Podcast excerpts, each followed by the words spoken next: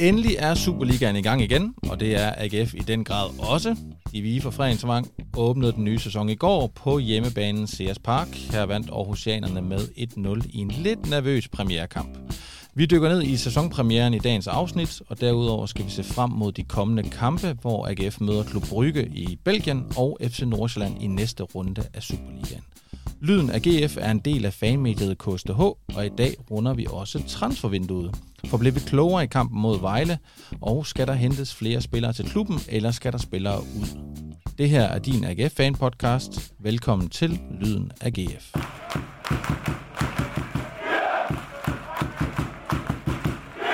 Gustav Hors, velkommen til. Tak skal du have. Og øh, Jonas Rovlund, velkommen til dig. Ja, tak. Mit navn det er Rasmus Thomsen, og i dag der er det altså også tre, os tre, der styrer løjerne. Øh, det er blevet mandag den 24. juli. Superliga-starten er jo øh, gået i gang, fordi i går søndag, der mødte AGF Vejle i CS Park, og øh, vandt jo altså 1-0. Jonas, din første kommentar til kampen mod Vejle, hvad skal det være? Det skal være, at det var en, øh, vigtig, øh, en, et vigtigt resultat, mere end at det var et øh, flot resultat, vil jeg sige. Og hvad med dig, Gustav? Øh, jeg hæfter mig ved boldbesiddelsen, må jeg sige. 72 procent, så vidt jeg kan se. Øh, det, er, det er voldsomt for en klub som AGF. Stærkt. Og øh, lad os så lige dykke øh, lidt mere ned i det. Øh, for den bliver jo altså 1-0, Jonas. Et vigtigt resultat, som øh, du også beskriver det. Altså, skal vi ikke bare starte med den? 1-0 mod Vejle lyder jo ikke af meget, hvis man så er den optimistiske AGF-fan. Men øh, hvad siger du til resultatet? Var det retvisende? Var det misvisende? Kunne det være blevet til mere? Jamen, det kunne både være blevet til mere og mindre, kan man sige. Øh, følelsen efterfølgende var jo lidt ambivalent, også når man var nede i mixzone ved spillerne og, og røsler og, og høre deres reaktioner. Det var øh, nogle spillere, der var glade for at, at hive de her tre point, fordi øh, det ville være en tof en at, at starte ud med enten et eller 0 point mod en oprykker. Ikke? Men øhm, samtidig så øh, er man jo også ved at, at smide det væk til allersidst, og spillet var ikke sådan helt prangende, særligt ikke i, øh, mod slutningen, der blev det meget kaotisk. Så, øh, så der var stor tilfredshed med, at man får det her resultat, og en sæsonåbner er bare altid lidt speciel. Øh, man skal lige i gang og øh, se, hvor, øh, hvor alle andre står. Og øh, det jeg hæfter mig ved er sådan lidt, at der er også andre hold, der har problemer i, øh, i opstarten her på en eller anden måde. Man ser Midtjylland, det er jo heller ikke sådan, at de bare går ud og kører videre over. Så, øh, så på den måde er det bare tilfredsstillende, at vi er i gang, og øh, så må vi se fremad. FC København vinder jo også kun 2-1 over ja, Lyngby præcis. for eksempel. Øh, Gustav, øh, nu snakker vi om det her 1-0, og det var lidt nervøst, særligt til sidst. Man kan vel også sige, at AGF, øh, de skulle jo have lukket den kamp øh, tidligere i kampen, eller hvad? Ja, jo jo, de skulle de jo helt sikkert. Altså med de, øh, med de chancer, man har der i starten af anden halvleg, så, øh, så kunne man jo lige så godt have, have lukket det. Noget af det skyldes, øh, at man ikke øh, afslutter sådan helt skarpt nok. Noget af det skyldes også øh, ham, øh, keeperen, de har til at stå inde i, i kassen, øh, Vejle. Han, øh, han gjorde det godt på flere, på flere afslutninger, så altså, jeg hæfter mig ved, øh, AGF laver expected øh, 2,05 øh, mål. Det øh, er jo sådan set øh, meget pænt. Og, øh, og også øh, forventeligt. Så kan man sagtens have, have tanker om alt muligt mere, men, øh, men som du også siger, altså både øh, FCK øh, hjemme mod Lyngby, og, øh, og, og Midtjylland havde altså også deres problemer mod, øh, mod Hvidovre, som øh, om end er øh, endnu dårligere end, øh, end Vejle er. Så øh, tre point og så øh, videre, ikke? Og hvis vi så ser lidt på udtrykket, vi har jo været spændte, vi snakkede om sidste gang også, at øh, man sluttede jo øh, sidste sæson af øh, på øh, fantastisk vis med bronzemedaljer efter et utroligt stærkt øh, forår, og øh, vi har jo sådan ligget øh, her hen over sommeren og kigget lidt på de andre konkurrenterne, og er AGF det her tophold, der kan bygge øh, endnu øh, mere på øh, bronzemedaljerne, eller ryger man lidt tilbage og bliver midterholdet, og, og hvordan og hvorledes? Øh, Jonas, du sådan øh, tænker på det udtryk, AGF kom ud med. Spillede AGF som håbet eller som ventet? Jamen, altså man kan sige igen, den her lidt hakkende start måske, men det er jo stadig et udtryk af et øh, tophold også, at man bare kører en, øh, kører en sejr hjem, og man har den her boldbesiddelse. Jeg synes, det er, det er et fint udtryk, og øh, AGF øh, tager ansvar for kampen. De vil gerne ud og, ud og vinde, kan man se fra start, og Vejle, de trækker jo tiden fra første minut. Mm. Øh, så på den måde, synes jeg, selvom det var en åbningskamp, hvor alle starter med, med 0 point i ligaen, så, øh, så lignede det allerede sådan lidt top mod bund øh, fra første minut af den her, øh, den her kamp. Var der noget ved udtrykket, Gustav, som bekymrede dig, eller var det øh, sådan overvejende positivt? altså det, det, det, jeg særligt godt kan lide, og det var også derfor, jeg sagde boldbesiddelsen til at starte med, var, at, at man sådan set går ud med og, og bygger videre på det, man kom fra. Altså, vi snakkede meget om i sidste sæson, at Røsler skulle lige lære det hele i løbet af, af, af efteråret. Der var nogle rigtig gode præstationer, der var også nogle, der var mindre gode. Øhm, så har vi de her fem kampe i, i slutningen af grundspillet, hvor det var meget pragmatisk og meget, nu skal vi have så mange point, så vi går i top 6 det lykkedes. Og så begyndte man ligesom at, øh, at, at se noget rigtig, rigtig flot spil. Øh, AGF begyndte at få mere og mere boldbesiddelse, sådan ligesom synonym med, med, med Kevin Jacobs øh, sådan stigende øh, kurve. Ikke? At man arbejder videre med det hen over sommerferien, og som man siger i, øh, i, i den første kamp i sæsonen, jamen det er det fundament, vi bygger videre på nu. Altså, så man kunne sagtens have sagt, øh, øh, Vejle kommer op, de kommer som øh, lyn og torden, det er oprykkerhold, de har nogle store øh, øh, øh bananer nede øh, bagved, øh, dem skal vi ned og slås med, og, øh, og så er det bare, øh, så, må, så må vi knalde 1-0 hjem, så, øh, og, og øh, slide om det, det regner også, og, øh, og Nikolaj Poulsen, han skal have øh, et par gule kort og sådan lidt, ikke? Altså, det, det kunne godt være den måde, man var gået ud til kampen med. Men det var bare en fuldstændig viderebygning af det, man kom fra fra sidste sæson. Man, man prøver, man tager, som du siger, man tager ansvar for kampen, og, øh, og man har ligesom arbejdet med nogle ting, vi bygger op nedefra, og så må vi stå med den så lang tid, det nu, øh, det nu varer. Og det, der så er positivt ved det, er, at jeg synes faktisk, man skaber nogle chancer på den måde. Så kan det godt være, at det ikke er sådan, man, man direkte laver, laver målet med, med Tobias Bæk, men, men jeg synes, der kommer nogle, der kommer nogle, øh, nogle reelt set noget udbytte på, på den måde, man, øh, man spiller på. Og det kan jeg rigtig godt lide, at man, øh, man tager tyren ved hornene og siger, vi, vi har ligesom set en vej. Det, det er den, vi, vi bygger videre på nu. Det er faktisk en, en mega vigtig, vigtig pointe. Jeg bare lige supplere med, at øh, Røsler han snakkede meget om sidste sæson. Vi skal ikke glemme, hvor vi kommer fra. Og øh, i sidste efterår, der handlede det op om at komme i top 6 for enhver pris, og man gav lidt køb på det lækre spil. Og så var mm. det jo ligesom først i foråret, at man rent faktisk begyndte at spille det her øh, gode fodbold, øh, som vi øh, blev så glade for. Mm-hmm. Øh, så det er helt rigtigt, Gustav. Man skal virkelig også lige huske tilbage på, hvordan vi greb sidste sæson an. Øh, hvor hvis vi kan fortsætte det der forårsspil øh, fra start af i den her sæson, så... Øh, øh, så kan vi virkelig øh, nå langt, tænker jeg. Ja. Og Røsler var jo også inde på øh, i optakten øh, til den her sæson, hvor vigtigt det er at komme pointmæssigt godt fra land. De her to point, man måske kunne have tabt her, var jo nogen, vi kan sidde til foråret, måske om et års tid og sige, åh, hvor kunne vi have fundet de to point hen, ikke? Ja. Og dem har man så trods alt fået øh, ekstra øh, i går. Hvis vi nu dykker lidt ned i holdopstillingen, så... Øh, havde de fleste AGF-fans nok spået, øh, hvordan den skulle se ud, og noget, der ikke var så overraskende, var i hvert fald øh, defensiven. Øh, de øh, seks bagerste spillere, Jesper Hansen, de tre i midten, og de to wingbacks, er jo nogen, øh, vi sådan kunne forudse øh, skulle starte inden. Men lad os starte øh, i midterforsvaret. Der er øh, det helt store øh, ændring dernede, er jo, at Jan Bissek er blevet solgt, øh, og at det er Thomas øh, Tissan Christensen, der har overtaget øh, den plads som den venstre midtstopper. Jonas, hvordan gik det med... Øh, Mølgaard til højre, Tinger i midten og øh, TK til øh, venstre dernede i midten. Jamen, jeg tror, alle kunne se, at det nok ikke gik helt så godt, som, som man ligesom havde håbet, fordi øh, han har egentlig, jeg synes, TK egentlig har, gjort det godt i testkampene og set solid ud, så på den måde var man lidt tryg nok øh, ved det. Men han starter jo med at, at, at glide et par gange og misse et par øh, clearinger, og, og det ene eller andet. Han spiller sig så op i løbet af kampen, synes jeg, øh, og leverer overordnet set en, en godkendt indsats jo, men øh, det er jo bare ikke Bisek, og øh, som vi sad også og snakkede lidt om det ude på stadion, at det gør jo også bare noget at vide, at du har Bissek ved siden af dig for en Tinger og for en Mølgaard. Øh, så på den måde, så bliver alle bedre af at have en mand, der åbenbart kan spille for Inter øh, ved siden af sig, ikke? Øh, forhold til at have øh, unge TK, som, som også er god, men øh, som bare ikke er Jan Bissek, og det må vi jo bare ligesom øh, leve med. Og Poulsen efterfølgende var også ude og forsvare ham lidt og sige sådan, at, øh, at øh, han ser, øh, at det, det skal nok ligesom øh, komme i gang og, og køre det hele. Øh, og der er ligesom er stor tiltro til ham. Røsler har også sagt, at det er TK, der afløser en for Bisek, og vi skal ikke stå og drømme om, øh, om alle mulige kæmpe indkøb til den position men det kan vi jo nok godt gøre alligevel. Men, øh, så, øh, så overordnet set tilfredsstillende nok, men, øh, men mindre godt, end, end vi kunne have håbet. Jeg sad også og tænkte på, at det var... Øh, jeg synes jo, jeg synes TK i, i langt højere grad, end han ligner Bisek øh, sådan i, i spillestil, så ligner han jo Tinger. Altså jeg tror, hvis det var, hvis, hvis nu Bisek havde spillet ind i midten, og, og, og øh, og TK skulle derind, og så man havde rykket Tingager ud til venstre, så tror jeg også ret hurtigt, man vil se nogle af de øh, ting, som, som Tingager ikke er ret god til.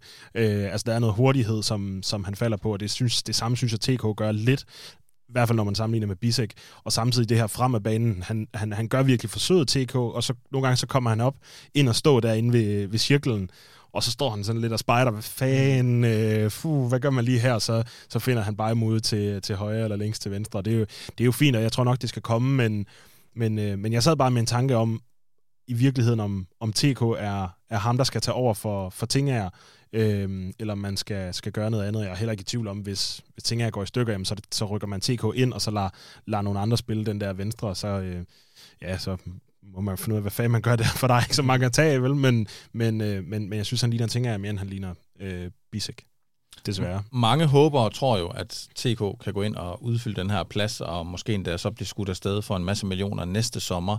Øhm, TK har jo også vist, at han øh, godt kan spille Superliga, og er et meget stort talent, der også var omkring U21-landsholdet, og så ramte han jo ind i den her skade i, i foråret. Men øh, nu det her med, at vi sidder og holder ham op mod Jan Bisek, kan det i virkeligheden øh, komme til at, øh, og lægge lidt for meget tyngde på øh, TK's skuldre, Jonas? Skal vi passe på med det? Altså, det kan det jo godt, men det skal vi jo også bare øh, ligesom sige, at det må man leve med, hvis man skal spille i øh, AGF, og hvis vi vil se os selv som en top 3-klub i, øh, i Danmark, så, øh, så er der pres på, også selvom du kun er en, øh, en ung fyr, der, der øh, er ved at, ved at bryde igennem i virkeligheden på, på holdet. Ikke? Så øh, det, må han, det må han ligesom lære at, at bære. Selvfølgelig skal vi ikke sammenligne ham en til en med Bisek, fordi altså, at, at forvente, at der kommer øh, et nyt talent af den størrelse, det, øh, det kan vi ikke gøre på nogle positioner. Men, øh, men han må lære at leve med presset, det er, det er jo helt sikkert. Jeg synes heller ikke, det gør noget. Altså, øh, og jeg tror heller ikke, at TK bliver sådan, øh, nødvendigvis tynget af det. Øh, øh, en ting var, hvis Bisek var blevet, blevet skadet øh, i, i et halvt år, hvor man så skulle ind og spille med TK, så var sammenligningen måske øh, mere sådan nærliggende. Men nu er Bisek øh, ligesom væk, og så er det TK, der skal tage over. Så, så tror jeg i virkeligheden bare, det, øh, det, det er med til at holde ham, holde ham til ilden at han ikke bare er sådan et, et talent, øh, fordi han er fra, øh, fra øh, han er så faktisk fra Galten, tror jeg nok, i øvrigt. Men, men, men at han så kommer han ind og spiller, fordi han har, han har øh, været ungdomsspiller i AGF, og så er det ham, og så kan man tjene nogle penge på ham. Det er derfor, han spiller. Men han spiller faktisk, fordi han er så god, og så holder vi ham op imod Bisek, så, så han har hele tiden et grundlag over for sig selv, og alle fansene har over for ham, at han skal, han skal derop og spille og være lige så god som, som Bisek. Det tror jeg måske i virkeligheden kan være med til at holde ham en lille smule til ilden, nærmere end det tynger ham. Og når alt kommer til alt, er det allervigtigste jo også et eller andet sted. De, de lykkedes jo med at holde nullet i går, og, øh, og det er jo et, øh, et godt sted at starte, kan man sige. Der er point til managerholdet, ikke? Lige præcis. Der, hvis man er en god manager som os andre, så har man valgt en øh, betondefensiv AGF-spiller, ikke? Ja. øh, hvis vi nu lige går ud på wingbacksene, så... Øh, var det jo også øh, allerede givet på forhånd, at det var Felix Beimo og Gif Links, som jo også øh, spillede de to positioner i foråret, som skulle spille der igen. Jeg var personligt lidt spændt på, om der kunne være gået noget Tobias Gran i øh, Felix Beimo. Hvis øh, nogen kan huske det, så øh, var øh, Tobias Gran jo en øh, kæmpe profil som legespiller i AGF. klasse. så køber man ham, og så... Øh, så går der noget helt galt. Så bliver ja. han øh, en rigtig AGF-spiller på det tidspunkt, som ikke var en profil. Hvordan øh, så ud på wingbacksen, øh, synes I i går, øh, Jonas? Jamen altså, det så meget godt ud, synes jeg egentlig. Jeg synes egentlig, Gif Links øh, præsterer godt. Det er egentlig blevet mest mærke i forhold til, til wingbacksene. Det var, øh, det var egentlig, at Karl han også kom ind og viste noget energi, da han mm. kom ind. Altså, han virker ikke som en mand, der har givet op. Øh, der var jo lidt rygter omkring, om han skulle videre her til sommer, fordi han virkede som en mand i foråret, der havde mistet selvtilliden fuldstændig. Og, og når han fik de der indhop, så var det sådan, lidt halvhjertet, men øh, jeg synes egentlig, at han øh, både i testkampen og her, der viser han egentlig, at han gerne vil det, og, og der er en, en fremtid for ham i, øh, i den hvide trøje. Så, øh, så det var egentlig det mest positive, øh, jeg tog med jo lige fra de positioner der. Han kommer vel egentlig ind relativt tidligt, synes jeg. Han bliver skiftet ind efter omkring 70 minutter, Karl. Det undrede ja. faktisk mig en lille smule, at han kommer ind så tidligt. Men tænker du, det er et tegn på, at, at man ja, i hvert fald stadigvæk det er jo øh, ser noget i Karl? Det er helt klart et tegn på, at, at man stadig tror på ham, og, og øh, får den der friske energi ind. Det giver en god mening. Det er en mega hård position at spille. Jeg tænker godt nok, sådan, Gif Link så, øh, så rimelig flyvende ud i, øh, i lang tid øh, i anden halvleg. Men, øh, men fair nok, så skifter man øh, Karl ind, og han øh, får lov at vise sig frem. Det, øh, det viser også noget tillid til ham. Lad os lige gå op på midtbanen, øh, Gustav, for det er deroppe, øh, Røsler nok kommer til at få øh, sin største hovedpine i løbet af sæsonen. Det er her, der er flest spillere, der byder sig til, og måske også her, vi efterhånden ser de, øh, de største profiler på, øh, på AGF-holdet. Øhm, der var blevet plads til Nikolaj Poulsen i mm. går, sammen med Mads Emil Madsen. Mm. Så var der ikke blevet plads til øh, spilleren, der havde fået sin øh, nye fanklub i øh, sidste uges øh, post, podcast. ja. Knudsen øh, starter ude, fordi at der jo var blevet plads til Mikkel Duhlund, mm. der jo altså ikke var mere skadet, end at han kunne spille øh, mere end 70 minutter i går. Og øh, så var der sidst, men ikke mindst, blevet plads til øh, Tobias Bæk, nyindkøbet øh, debutanten Tobias Bæk, der også bliver matchvinder i går. Øh, hvordan gik det på øh, midtbanen med de her øh, spillere i går, øh, Gustav? Øhm, altså jeg vil bare lige sige, på lige for at tage den der fanklub først, det kan godt være, at vi skal have et møde, øh, øh, Alexander og jeg, om vi skal fortsætte den her fanklub, for det var, det var ikke prangende, det han viste, Magnus Knudsen, da han så øh, kom ind. Øh, jeg sad og hypede ham helt vildt, øh, da han kom ind, så starter han med at smide et indlæg bag om mål. Han er nok øh, bedst som starter, det er måske derfor. Ja, det kan godt være, det er derfor. øh, men hvor alting er, så, øh, så synes jeg også, at... Øh, at øh, de viser sig over at være det, være det rigtige øh, røsler, han, øh, han vælger, fordi øh, Nikolaj Poulsen han kommer ind og, øh, og spiller en af sine, sine absolut øh, bedste kampe for, øh, for AGF, synes jeg. Øh, det, er, øh, det er vildt, at, øh, at AGF har 72% af boldbesiddelsen i en fodboldkamp, og Nikolaj Poulsen mm, altså så kan man trække Tobias Bæk øh, fra, han øh, skal jo noget andet, men, men at Nikolaj Poulsen måske er den bedste på bolden. Altså jeg, jeg synes virkelig, virkelig, det var, det var imponerende, og det lugter af en mand, som har, øh, har taget kampen op øh, mod, øh, mod de der øh, Mads Emil og Kevin Jakob og, øh, og Magnus Knudsen, de der rigtig, rigtig gode boldspillere inde i midten, at øh, sådan sagt, det skal jeg kraftede mig også lære. Og så, øh, og så er han lige pludselig blevet, blevet god på kuglen, og han undgår også at få, øh, få gul kort i går på, på mirakuløs vis.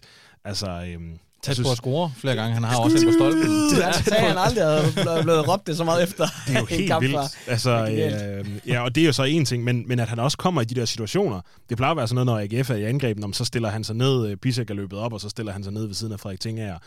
Nu er han jo helt med op, øh, modtager den på kanten af feltet de der par gange og, og får afsluttet. Øh, jeg, jeg synes, vi skylder stor, stor ros til, til Nikolaj Poulsen. Det var, det var virkelig, virkelig flot. Lidt mere anonymt af, af Mads Emil Madsen, men, øh, men det er jo en mand, der skal spille, øh, spille mange kampe derinde, så det, det, det er jeg sådan set ikke så, øh, så nervøs for.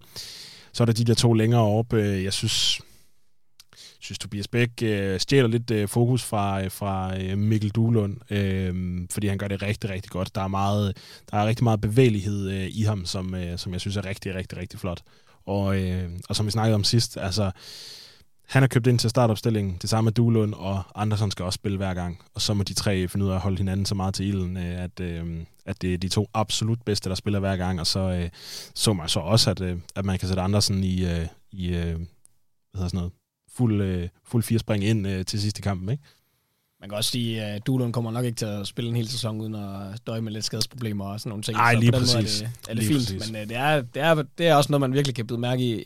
Forhold til sidste sæson, kvaliteten på bænken, altså det vi ja. skyder ind, nu performer Knudsen så ikke lige, uh, som vi havde uh, håbet i, i fanklubben, men, men, nej, altså, nej, nej. Uh, men, men han har været god i testkampen, og det tænker jeg nok skal komme. Ja. Og skyde sådan en mand ind, og skyde andre sådan ind. Uh, og så hvis Karl også kan komme tilbage til sit uh, U21-landsholdsniveau, så, ja. uh, så begynder det at ligne noget.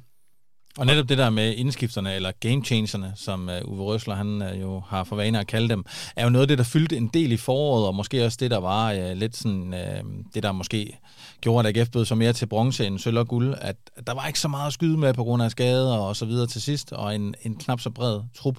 Men allerede i går, Jonas, kunne man vel virkelig, som du også er inde omkring, se, at der er blevet hentet noget ekstra ind til, uh, til det her hold. Der var vel flere game changer på bænken i går, end vi har set uh, længe. Jamen fuldstændig. Det er, det er virkelig noget af det, det positive, synes jeg, øh, når man ser, øh, ser truppen. Og der, hvor der så mangler noget bredde, det er jo, øh, som du også nævnte, Gustav, i forsvaret. Ikke? Hvis, mm.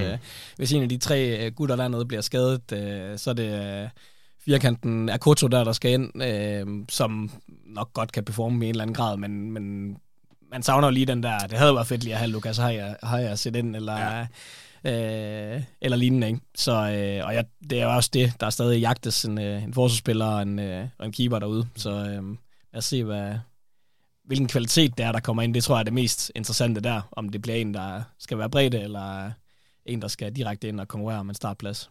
Man kan sige, det er jo Michael Andersson, øh, Erik Karl, Ja, der kommer ind, og det var, men det var, jeg vil bare lige knytte en kommentar til det der med, altså hvornår der bliver skiftet ud, som du startede med at sige. Jeg tror altså også, det er med henblik på, øh, på kampen torsdag, at der bliver skiftet lige en tand tidligere ud, end, øh, end, øh, end man plejer at gøre, altså dels på, øh, på, på wingback, men også øh, Mortensen går ud øh, efter er det 78 eller sådan ja, noget. Øh, altså det er, jo, det er jo forholdsvis tidligt, at man tager, tager, tager anføren ud, men, øh, men lurer mig, om det ikke er med henblik på, på kampen ja. torsdag. Man skifter ud efter 72 og 78, og så kommer der Kim ind og får de ja. sidste ja, 5-10 minutter også. Ja. Men man skifter Andersen ud, eller undskyld, Andersen ind, man skifter Karl ind, man skifter Knudsen ind, man skifter Sera ind, og man skifter Dakim ind. Dem, der ikke bliver skiftet ind, hvis vi sådan skal se på, øh, hvad nu hvis forsvaret gik i stykker, ja. Det er så Akoto, og det er Biver, og det er Brandhoff, og så er det reservemålmand uh, Hutters, der ikke kommer ind. Så der er jo selvfølgelig stadigvæk noget, der, der måske mangler lidt ind i det. Lad os lige hurtigt gå tilbage til øh, midtbanen og debutanten øh, Tobias Bæk. Jeg øh, tænker i hvert fald derude, han bliver jo kåret til øh, kampens spiller, og er vel ret beset også øh, kampens spiller, øh, og er jo også kampafgørende, bliver matchvinder, scorer, og vi snakkede om, at han har jo altså scoret 14 mål, 5 assist i sidste sæson nede i Tyskland, hvor han ikke var angriber. Og allerede i går scorer han jo og bliver virkelig afgørende. Øh, Jonas, det er vel en helt ny dimension for AGF rent faktisk nu at have hentet en spiller, nu skal vi passe på, at han har spillet en kamp, men har hentet en spiller, der virker som om, at her kommer der nogle flere midtbanemål, end man har været vant til. Både Andersen og Duelund er jo også offensive og kreative, og kan også byde ind med mål. Men det blev ikke til vanvittigt mange mål for nogle af dem sidste år. Det kan det måske vise sig med Bæk. Fuldstændig. Altså, han er, en, han er en helt anden type. Han er mega målsøgende, og øh, Røsler sagde selv efterfølgende, at det var lige præcis den her type. Han roste ham sindssygt meget, og især fordi, at han kommer med noget helt andet, end, mm. end de andre gør. De er rigtig gode med bolden, Duelund og, og øh, Knudsen og Andersen, men, øh, men de her mål, det er altså noget, øh, Bæk han er, tidligere har vist, han er garant for, nu viser han det så fra, fra start i AGF også, så, øh, så det er rigtig fedt at, at have en mand, der, der ligesom ved, hvor målet står. Kan man se for sig, Gustav, at Bæk også byder sig til som spidsangriber? Ja, altså ja altså hvis man, hvis man vil noget, øh, noget andet end at spille med, med Mortensen deroppe, så, så kan jeg sagtens se det for mig. Altså, øh, øh, vi snakkede også om, at, øh, at, at hvis man endelig kommer derud, så kan, så kan øh, Adam Dakim jo også spille den der nier, og så kan man jo bringe noget, noget andet end, end Mortensen skråstreg øh, sætter. Hvis, øh, hvis det måtte komme til det, øh, hvis man skal bruge et resultat sent i en eller anden kamp, jamen så, øh, så kunne jeg sagtens se for mig, at, at, øh, at Bæk spillede deroppe, og så med, med, med Andersen og, og Duelund øh, ved siden af sig. Det kunne være, øh, det kunne være ganske, ganske spændende at, øh, at se, og det ville kunne give et eller andet andet. Øh, om det lige sådan bliver, øh, bliver startformation, det, det tvivler jeg måske på, men, øh, men, men spændende tror jeg, det, det bliver. Især nu, når øh, man sagde i går, Haugen slet ikke er udtaget. Øh, mm. Altså, der er ikke noget, nogen forlydende om, at han skulle være, være skadet eller noget. Øh, det virker til, at han er, han er lidt ude i, i kulden, ikke? Så, øh, så er det jo en, en øh, angrebsplads, øh, der, der er åben der. Altså reserveangrebsplads, men øh, interessant en plads der, mm. hvis der skal rokeres lidt rundt. Og så sidder der jo altså et meget stærkt venstreben på Tobias Bæk, allerede under opvarmning, vil jeg sige. Jeg bemærker, han, er, han har altså et skarpt venstreben. Scorer jo også med venstre, måske ikke på verdens uh, sværeste mål, han, uh, han scorer, men har jo også et uh, virkelig giftigt frisbaksforsøg, hvor, uh, hvor Vejles keeper gør det lidt bedre end ved, uh, end ved målet. Uh, det var lidt mm. sjovt, den roste jo også Vejles keeper tidligere i dag. Han har ja. stået virkelig godt i går, men er jo egentlig også lidt skyld i, at, uh, at AGF kommer foran 1-0. Ja. Øhm, vanvittige indlæg. Ja. Eller afslutning, det er ja. som man siger det. ja, ja, det har du ret i. Uh, lad os lige tage den her med Haugen også. Uh, det er jo lidt bemærkelsesværdigt, at han ikke er med. Han uh, blev købt sidste sommer som uh, den uh, nye nier, den uh, lidt anderledes type end uh, Patrick Mortensen. En spiller, der gør, at uh, man uh, kommer ind og prøver at spille på en helt ny måde. Man havde gjort under David Nielsen, men med to angriber nu med Uwe Røslers nye system. Man har jo så ændret det tilbage siden da. Uh, Haugen fik jo en femårig kontrakt, har stadig fire år tilbage af kontrakten. Uh, jeg tror faktisk lige, jeg tager... Uh, jeg springer lige lidt i det, fordi vi har jo også... Uh, gjort plads til ugens pokal og ugens galehus mm. i dag. Og jeg tager dem lige med, en af dem med ind allerede nu, fordi øh, nu skal jeg lige finde den, fordi der er en, der skriver øh, noget, der egentlig er meget fint her. Og det er øh, Peter Melgaard på Twitter, der skriver, at hans øh, ugens galehus skal gå til Haugen. Han er ude af truppen i går. Han ender som Eskelinen og Mungsgaard og er inden længe dead man walking. Find en ny klub til ham nu. Kan I øh, følge det, at øh, vi potentielt står med en spiller her med en dyr kontrakt. Han har ikke nogen specielle intentioner om at skulle øh, flytte måske, fordi han sidder og har en god kontrakt, har det godt i Aarhus. Der er selvfølgelig det sportslige, det øh, vægter måske også højt for en fodboldspiller, kan man selvfølgelig sige. Men øh, frygter vi en situation her med en spiller, der øh, koster klubben penge, men han kommer ikke til at spille, og man får ham ikke solgt, øh, Jonas? jeg synes, det er vildt, at man gav ham den der lange kontrakt til at, til at starte med. Det kan man selvfølgelig altid sige i bagspejlet, fordi hvis han havde været fuldstændig vild, ligesom øh, Bissek, ikke, så havde man jo gerne set ham på den der femårige, men jeg synes, det er voldsomt, at man har givet ham så lang en kontrakt, uden at måske have haft bevis for, uh, hvor stabil han egentlig uh, ville være, og om han var god nok til Superligaen på en eller anden måde. Uh, og desværre kan man sige, det er alt efter hvordan man ser det, så har han det jo rigtig godt i, i Aarhus, især i nattelivet også. Uh, Så øh, jeg tror, han er fint tilfreds lige nu med at få en fin hyre og, og hygge sig i Aarhus. Øhm, så det er en svær situation, man har bragt sig selv i der.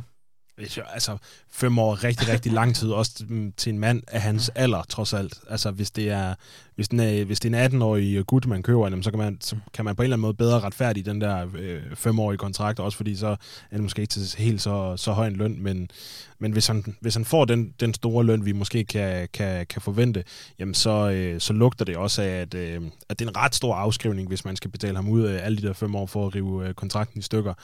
Og så tror jeg ikke, der er nogen tvivl om, at... Øh, at øh, hvad man sige, taktik som sådan, men, men at man har sagt, at han er, øh, han er ikke bedre end nogen af dem, øh, vi har, hverken der spiller eller sidder på bænken. Og så må han, øh, så må han sidde over hver evig eneste gang, og så må han jo selv, spille, selv bestemme, om han vil øh, spille fodbold og signe til en eller anden øh, bundklub op i Norge og, og, og score derop, eller tage til Island, eller hvad han vil, eller om han, øh, om han bare vil sidde og, øh, og, øh, og få, øh, få øh, Ja, man får så ikke splinter i røven, fordi det er oppe på tribunen, det er plastiksæder, ikke? Men altså, øh, at sidde deroppe og, øh, og hygge sig. Øh, men jeg synes, når alt kommer til alt, så, øh, så, så er det, det er en spøjs øh, signing på mange måder. Øh, uden at det skal lyde øh, sådan øh, helt vildt hårdt, selvom det måske er det, så, øh, så kommer jeg til at tænke på, at han er, han er jo købt til at skulle kunne det, Patrick Mortensen ikke kan. Men det kan han så heller ikke. Altså, han kan ikke det, Paddy kan, og han kan heller ikke det, Paddy ikke kan. Så han, og vil vi så ikke hellere bringe ind for vores egen? Altså, vil vi ikke hellere have Dakim ind og, og få nogle minutter? Så, eller, jo, præcis. Eller, øh, eller noget andet, ikke? Øh, så på den måde, ja, det er bare den der lange kontrakt, den, den undrer mig, det lugter lidt af en, øh, nok en udlejning, kunne jeg forestille mig, øh, de nok kan nå at, at få landet øh, et eller andet sted hen. Så han ender ikke som Eskelin eller Munchsgaard, der lige pludselig sidder her uden rigtig at kan, kan finde en ny klub? Eller vi kommer ikke til at se ham træne med U19 Han har til selv noget historik, og de hentede ham jo også af en grund og sådan nogle ting, så der må jo være et, et eller andet. Og Bjørneby har til selv sit uh, lækre netværk. Nu har Rosemann har meget for sit købmandskab generelt, men lige med Haugen-sagen, der har han jo så ikke været helt skarp, men uh, må ikke han uh, kunne finde en klub, der, der gerne vil lege ham i hvert fald. Uh, det, det lugter lidt af, synes jeg. Det kommer også an på, hvem, hvem det er, der er skyld i altså, escalating cases, øh, eksempelvis. Altså, jeg tror, at AGF vil gerne af med Haugen. Altså, og jeg tror også gerne, de vil slippe ham rigtig, rigtig billigt. Og jeg tror også, de er med på at tage et, øh, et stort økonomisk slag for at have hentet ham, men jeg tror gerne, de vil af med ham. Så det er jo, det er jo ikke et spørgsmål om AGF bevidst vil sætte ham ned på 19-holdet, hvis det, jeg tror nu ikke, det kommer dertil, men altså, øh, AGF vil jo gerne af med ham, er, er mit klare indtryk, så det er et spørgsmål om, om Haugen vil væk, og om der er nogen, der gider have ham. Og lige for at runde den af, så er det jo Janisera, der kommer ind i stedet for øh, Mortensen i går, og det er Adam Dakim, der kommer ind i stedet for øh, Tobias Bæk til sidst i går. I øvrigt vil jeg lige sige, at jeg synes også, at Dakim kommer ind i går med en... Øh, en han har jo altid en fed attitude gå på mod, og han er ikke helt så voldsom i går, som han nogle gange har været lige når han kommer ind. Han jeg tror faktisk, hans første duel, han flyver op i sin en i går, hvor jeg tænker, ah, rolig, rolig, rolig, men det er heldigvis rimelig roligt. Han kommer jo også ind og har masser af hurtighed, et fedt antrit, og er egentlig også når at være med en del i går, Dakim. Så må ikke det er også... Uh, øh, ham man blandt andet vil satse lidt på nu, i stedet mm. for øh, sådan en som Haugen, som, er, som man nok nu har erkendt. Han bliver ikke sådan noget i AGF. Men lige for at følge op på ugens pokal af Galehus, øh, nu har vi jo øh, åbnet den snak, så går øh, stort set alle pokaler til den samme mand, og det er jo altså Tobias Bæk, som vi også har været omkring. Øhm, jeg kan lige hurtigt tage det for en ende af. Øh, Claus, som I også kender på KSTH, øh, giver jo øh, sin pokal til Tobias Bæk. Det samme gør Peter Melgaard her, der havde øh, Galehuset til Haugen. Så Christoffer Thorn på Twitter også giver ugens pokal, ugens pokal til Nikolaj Poulsen. Fremragende kamp med forudsiden defensivt spil og gode offensive auktioner. Det har vi også været omkring. Nikolaj Kirkegaard giver ugens pokal til Tobias Bæk. Alexander Tryk giver ugens pokal til Tobias Bæk. Og Lars Novak Korup, også ugens pokal til Tobias Bæk, og sådan kan vi sådan set blive ved. Øh, lad os prøve at gå lidt til galehuset så, fordi mange... Jeg har lige noget til, til pokalen faktisk, ja. hvis jeg lige skal, skal tilføje en. Så, så vil jeg gerne øh, for det første give pokalen for dem, der er mødt op til Aarhus Walk på trods af elendigt vejr. Det var sådan en rigtig uh, GF arrangement, ikke? Det hele er bygget op til sæsonstart, og så øh, øser det ned øh, med, med stor koncert og, og, og god stemning ellers. Men, øh, men det allerfedeste ved den walk, det var altså, da Uwe Røsler han popper op fra, øh, fra sin store altan som, øh, som den helt store leder, og skal holde en, øh, en brandtale, inden øh, walken går, går i gang. Det synes jeg var, var fuldstændig legendarisk. Og jeg glæder mig til, at han holder sådan en øh, tale, når vi vinder mesterskabet på et tidspunkt op fra, fra toppen. Så øh, pokalen til dem, der lånte lejligheden til, øh, til AGF, det, øh, det synes jeg også er værd at kvittere. Stærkt. Og der er faktisk lige Rasmus Sederskjold på Facebook, der skriver pokalen til det flotte fremmøde til Walken, på trods af vejret. Så der er også lige en, der bakker dig op i det, Jonas. Lad os lige uh, tage nogle galehus også. Mange af dem ligger også op af, op af kampen. Um, Claus giver den til de brændte chancer, og 11 mod 10. Vi har jo slet ikke været omkring, at uh, Vejle blev reduceret til 10 mand. Uh, lidt af en benbrækker brækker tackling mm. fra Lauritsen på Gifling. Heldigvis så skete der ikke noget. Man får direkte rødt efter cirka 60 minutter, og uh, som Claus skriver, 11 mod 10 skal vi lukke sådan en kamp og vi skal vinde større. Så er der et galehus jo til værguderne. Ikke færre at prøve at ødelægge Aarhus War på den måde. Det var et fremragende arrangement, skriver Christoffer Thorn. Og der er øh, faktisk en, jeg synes, der er lidt spændende her, Nikolaj Kirkegaard, som også øh, gav pokalen til Tobias Bæk, giver Galehuset til. Øh, på Twitter blandt andet, at der bliver en overdrevet og hysterisk kritik af klubbens unge talenter. Giv nu TK en chance. Er øh, man for hurtigt ude som fan øh, efter sådan en som TK i går, Gustav? Kan du følge øh, Nikolaj Kiergaard her? Mm, altså, t- altså, Twitter bliver jo ligesom øh, Facebook nogle gange kan blive det sådan et, øh, et ekokammer for øh, tilsvining og alt muligt andet øh, lort og skrammel. Øh, så, øh, så, så når man lige husker, øh, husker det, så, øh, så, så, så, så har jeg ikke set, at kritikken sådan skulle være, skulle være, øh, være specielt øh, øh, skræmmende. Altså, vi har jo set uh, øh, TK's uh, øh, åbenlyse øh, niveau, og det tror jeg nok, han skal finde. Så så han lige uheldig ud i, i, i et par situationer i starten, men altså, herregud, det, øh, det lever vi med, og jeg er, jeg er sådan set ret sikker på, at han nok skal komme til at spille, spille rigtig mange kampe og spille, spille rigtig, rigtig mange gode kampe. Så, øh, så jeg er bestemt fortrøstningsfuld, og så, øh, så må vi lade, lade Twitter-krigere være, være Twitter-krigere. Så lad os lige tage øh, de sidste, for der er også flere, der giver galhuset til det samme. Og det er noget, der foregik uden for banen, men stadigvæk inde på stadion. Der var noget med nogle bolddrenge, som får øh, galhuset for at smide bolden væk. Øh, for eksempel ikke give den til, øh, til Vejle-spillere. Jonas, var det noget, du bemærkede inde på øh, stadion i går? Der var noget med AGF's bolddrenge? Ja, men altså, som vi lige snakkede om kort, inden vi, øh, vi startede optagelsen her, altså, at øh, at øh, bolddrengene trækker tiden lidt, det, øh, det er en ting, men øh, altså Vejle de trækker tiden fra starten af, af kampen, så på den måde synes jeg ikke, det er noget, der, der gør øh, den store forskel. Det var egentlig ikke noget, jeg blev øh, det store mærke i derinde. Øh, selvfølgelig bliver der jublet lidt, fordi det er altid sjovt, når, øh, når man lige driller øh, modstanderne lidt. Og regler er selvfølgelig regler, så selvfølgelig kommer der en lille øh, bøde, øh, når, de, øh, når de triller lidt rundt med, med boldene, men øh, det er sgu også meget god lige på en eller anden måde, synes jeg. Og med det, så øh, lader vi Vejlekampen og øh, ugens pokaler og galehus mm. ligge for i dag. Mm. Og så går vi lidt videre.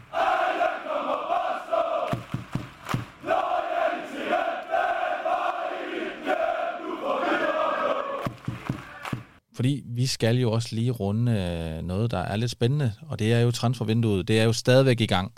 Og øh, nu er Superligaen startet, og så ligger man måske ikke så meget, meget mærke til transfervinduet kører der ud af, men det gør det altså.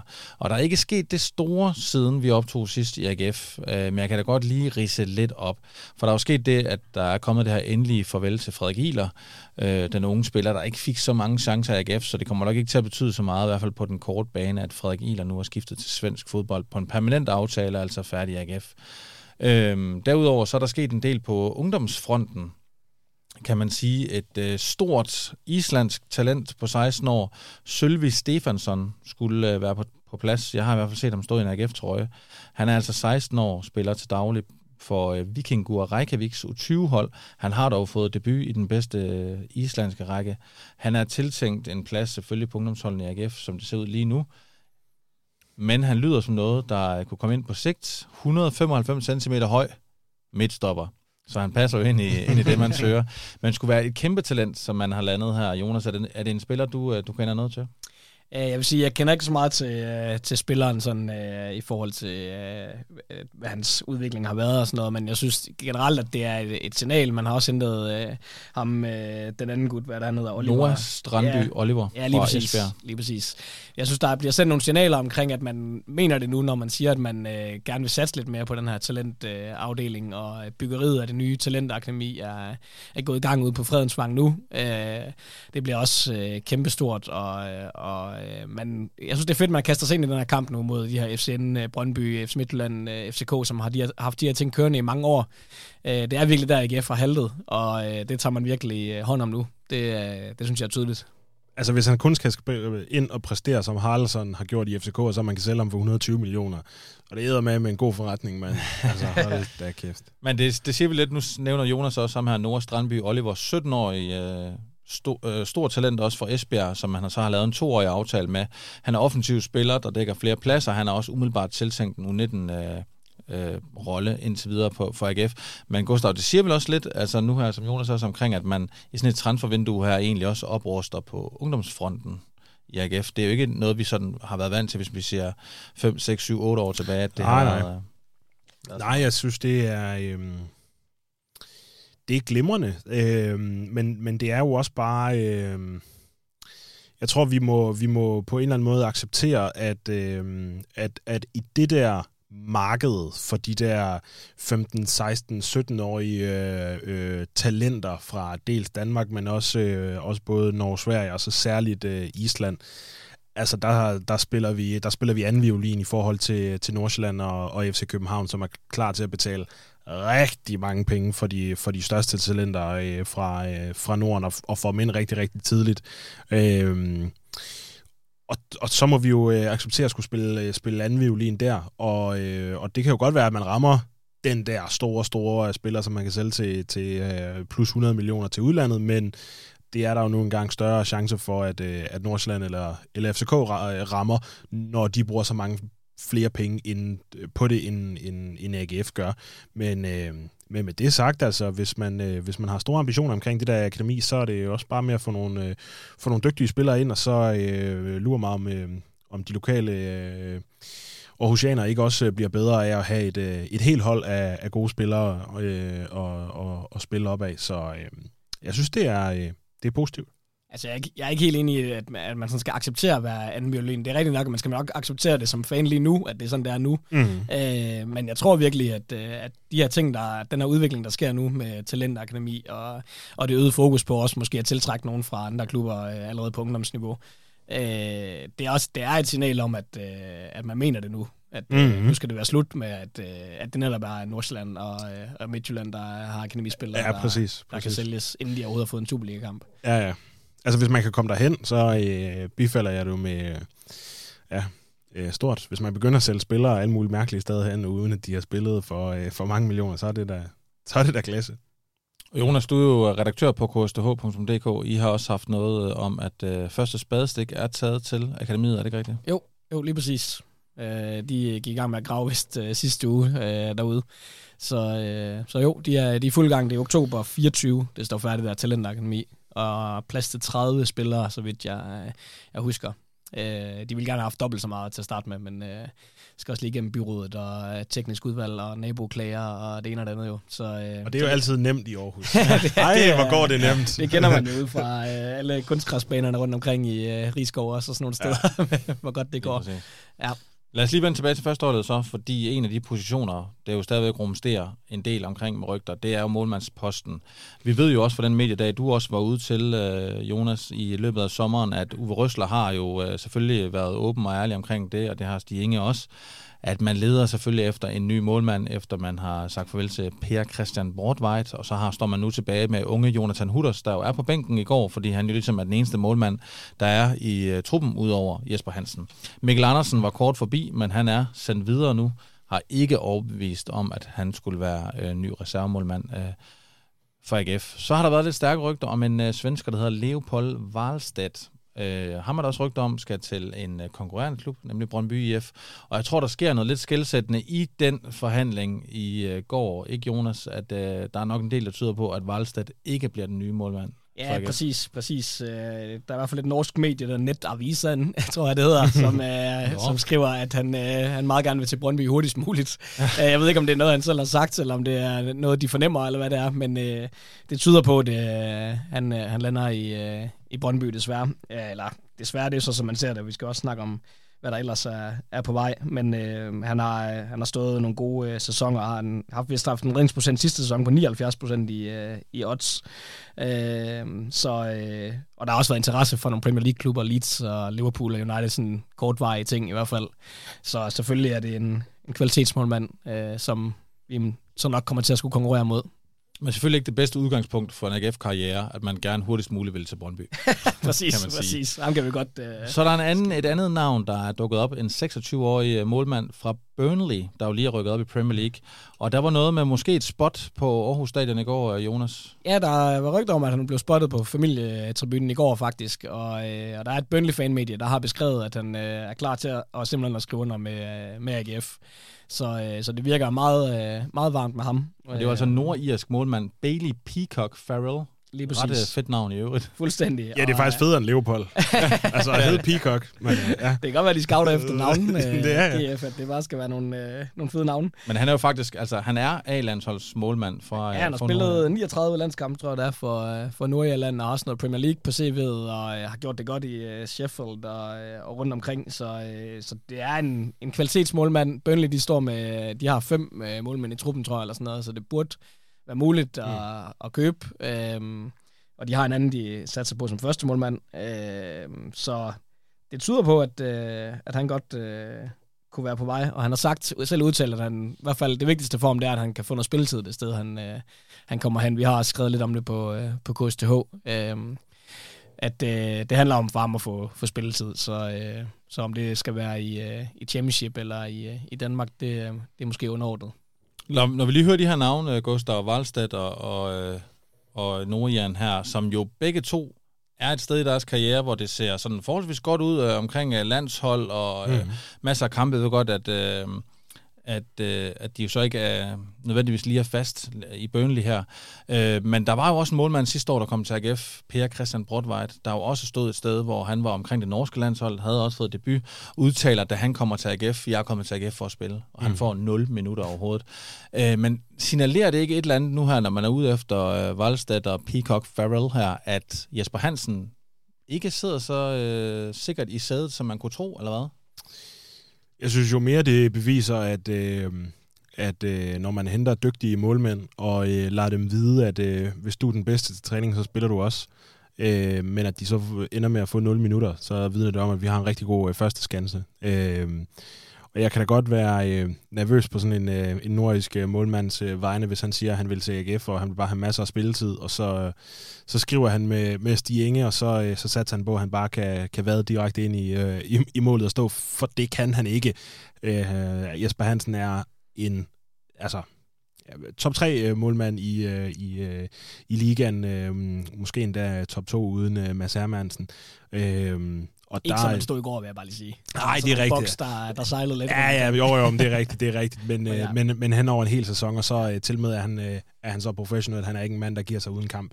Så, øh, så man skal med stå tidligt op, og hvis man vil, øh, vil spille i stedet for, for Jesper Hansen. Men, øh, men omvendt, så kan jeg godt lide, at øh, det fra, fra AGF's side vidner om, øh, hvad skal man sige... Øh, engagement, og, øh, og at man, øh, man rækker op et højere sted, når det er sådan nogle typer, man ligesom går efter at, øh, at hente, i stedet for en mand som Mikkel Andersen. Fordi man kunne godt have hentet Mikkel Andersen til øh, billige penge, og så lad os sige, han skal ikke stå alligevel, det er bare Jesper Hansen, der spiller.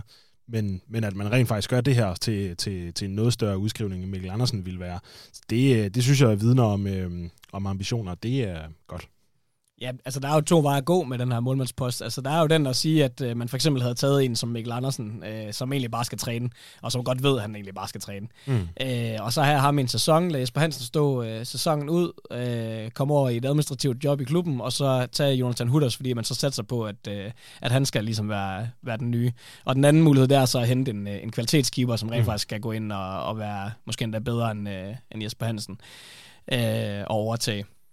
Øhm, og det tyder så på, at AGF har valgt øh, øh, vej 2 der, at, øh, at det skal simpelthen være noget, øh, der har bevist sig allerede, der, der kommer ind. Det skal siges, at, øh, at forlydenderne går på, at Jesper Hansen selv er en del af beslutningsprocessen, og så er en del inden over det her omkring øh, ny øh, målmand-signing, øh, og, og, øh, og bliver taget med på råd i forhold til, til det.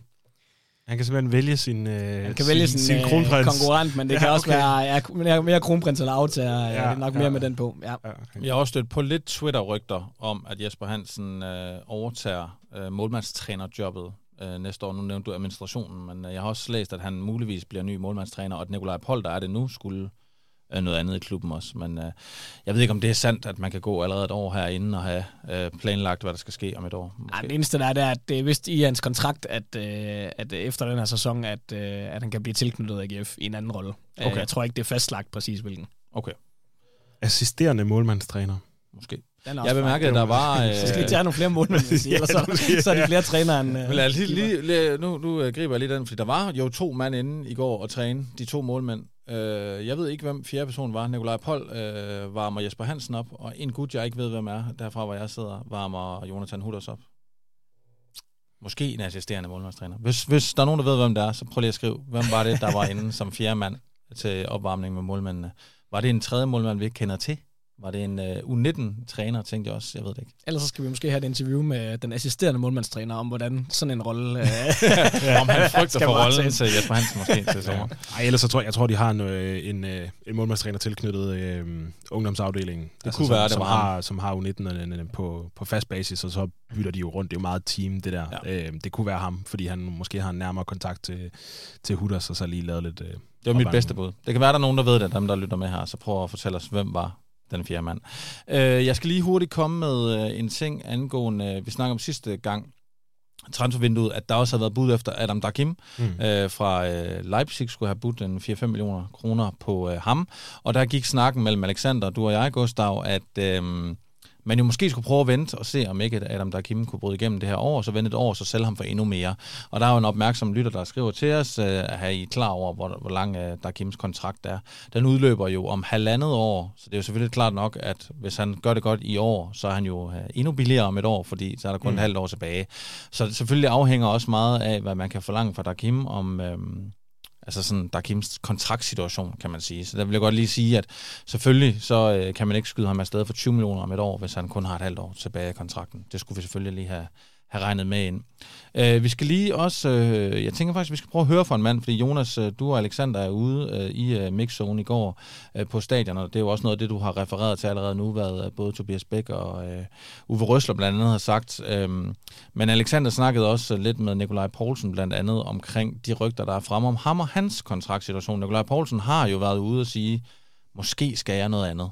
Mm. Og jeg synes lige, vi skal sige, hvad, eller høre, hvad Nikolaj Poulsen han sådan sagde ind i det i går. Øh, jeg har sagt til min, øh, min agenter, at, øh, at nu er sæsonen i gang, og så, så bruger jeg ikke mere tid på det. Så, så er jeg sikker på, at de tager sig af det. Øh, lige nu har jeg, har jeg alt mit fokus på, på AGF og det, der sker inde på banen. Og vi har en øh, ufattelig spændende sæson i gang, og nogle sindssygt vigtige, fede kampe nu her mod Klub Brygge, men også i Superligaen og komme godt fra start, det er, det er altid vigtigt. Øh, men, øh, men vi må se. Altså, det er klart, hvis der kommer noget, noget konkret på bordet, så, så, så er jeg selvfølgelig nødt til at kigge på det, men indtil da, så, øh, så har jeg mit fokus på øh, inden for kridtstregen.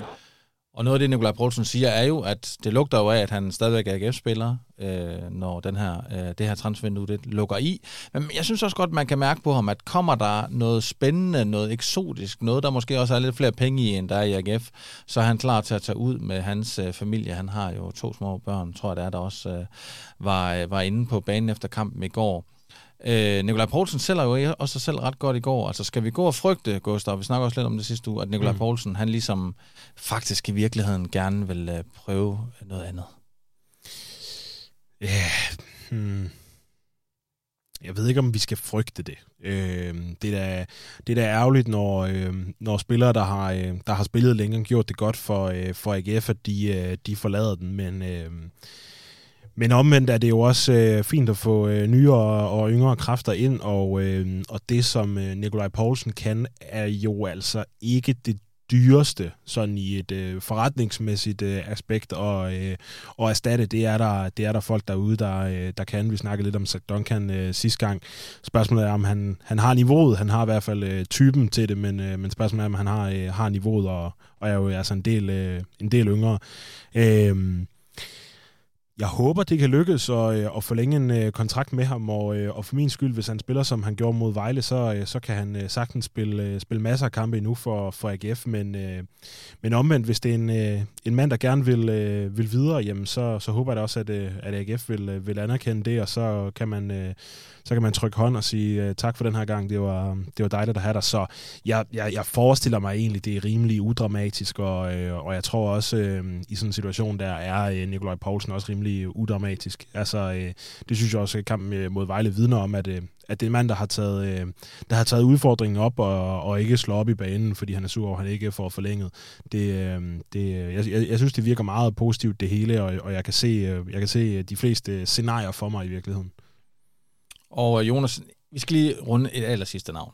Fordi øh, det er jo sjovt, når der er transfervindue åben, og efterhånden øh, med Facebook og Twitter og så videre, så kan alle jo sådan set byde ind, hvis de har lyst. Der er et øh, rygte, der sådan rammer min egen øh, indbakke for nogle dage siden, som jo så blev en lille smule stærkere af, at der er flere sådan uafhængigt af hinanden, der begynder at nævne det.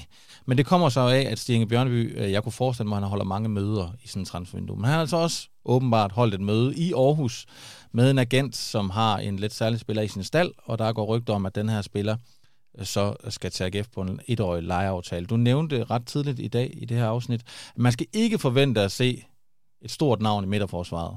Så det harmonerer jo ikke med det navn, jeg bringer på banen nu. Men Jannik Vestergaard, ja, den Jannik Vestergaard, skulle i, efter sine være på vej til AGF på en etårig lejeaftale. Og øh, igen, der er ikke nogen, øh, jeg vil ikke kalde nogen utroværdige, men der er ikke nogen øh, sådan fasam-type øh, kilde, der har været ude og sige, at det er rigtigt. Men uh, Jonas, Jannik Vestergaard tager F på net og lejeaftale. Kan du se det for dig? Ja, jeg vil gerne lige uh, korrigere først. Altså, jeg vil ikke afskrive fuldstændig, at de henter en, uh, en fuldstændig topkvalitetsspiller, men det jeg mener er bare, at Røsler selv siger, at uh, det er TK, man satser på. Så, uh, så som udgangspunkt, der er, det, der er det ligesom ham, der skal spille. Det kan være om fem kampe, TK har vist, at det ikke er ham, og så kan det være, at man går ud. Måske. Ja, ja, det er, det er også en mulighed. Ja. Uh, Jannik Vestergaard, den tror, jeg, den tror jeg godt nok ikke på. Uh, der er nogle, uh, nogle lønforhold også, der, der virker lidt vilde, hvis AGF skulle øh, få det på plads, og øh, hvad er det, han har kontrakt til sommeren næste år. Ja. Øh, så jeg, jeg ved heller ikke, om det hvad der kunne give mening i at lege, øh, altså, øh, lege ham ud for, øh, for hans klub. Altså, øh, så ja, det er, det er da fint nok at drømme, men øh, jeg tror også, at Stjenge Bjørnby, holder rigtig mange møder, han holder rigtig meget gang i sit netværk, han kender også folk i Liverpool, øh, så, øh, som han snakker med jævnligt, altså, så øh, det, det er sjovt at drømme, men øh, jeg tror ikke, det er Vestergaard, vi skal satse på. Gustav, kunne du se det for dig, at øh, man øh, mod Nordsjælland om øh, 14, eller undskyld, en uge i dag jo øh, stiller med Tobias Mølgaard og Frederik Tinger og Jannik Vestergaard i midterforsvaret? Nej. det kunne jeg ikke. Øhm, det er sgu da fedt nok, men, øhm, men jeg, jeg tror måske, den, øhm, den stil, AGF har valgt, er, øhm, er mere solid. Altså, at man kigger på, øh, på præstationer og, øh, og, og niveau mere end, øh, end navn. Og øh, det kan jo også godt være, at, øh, at de Inge, han, øh, han er lidt mere påpasselig med, med sådan en transfer, øh, med, øh, med Jack Wilshere-transferen i, øh, i baghovedet, og at det, med de der spillere op i, i den alder, og med, med sådan en CV, når man så kommer ned og skulle og, og, og altså fordi AGF er trods alt skridt ned fra, fra Premier League og, og landsholdet, ikke? Øhm, at så, øh, så er det lidt mere usikker på, hvad, hvad for et niveau de, de kommer med, så øh, jeg tror ikke på det. Med, øhm... Han må jo også have andre tilbud end AGF, tænker jeg, øh, uanset hvad. Der er mange andre steder som... at lande inden da. Og skulle det så være, fordi han har lyst til at skifte hjem til Danmark, så tænker jeg også, at der er nogle klubber, Ja, så øh, det var så det der med, at han er fra Hvidovre, ikke? Så, øh, ja. så er der nogle helt andre øh, muligheder derovre måske, ja. hvis det er, fordi han bare vil hjem. Så øh, ja, den, øh, den ser ikke øh, helt lige til ud, vil jeg sige. Både Nordsjælland, FC København, Brøndby, og vel sådan set nærmest også videre burde være foran AGF. Så. Ja. Vi må se. Øh, inden vi går videre og skal snakke om Klub Brygge lige om lidt, så skal jeg jo også lige nævne det samme, som jeg gjorde sidste uge. Vi er jo gået ind i en ny øh, sæson, både af Superligaen, men også af Lyden af GF.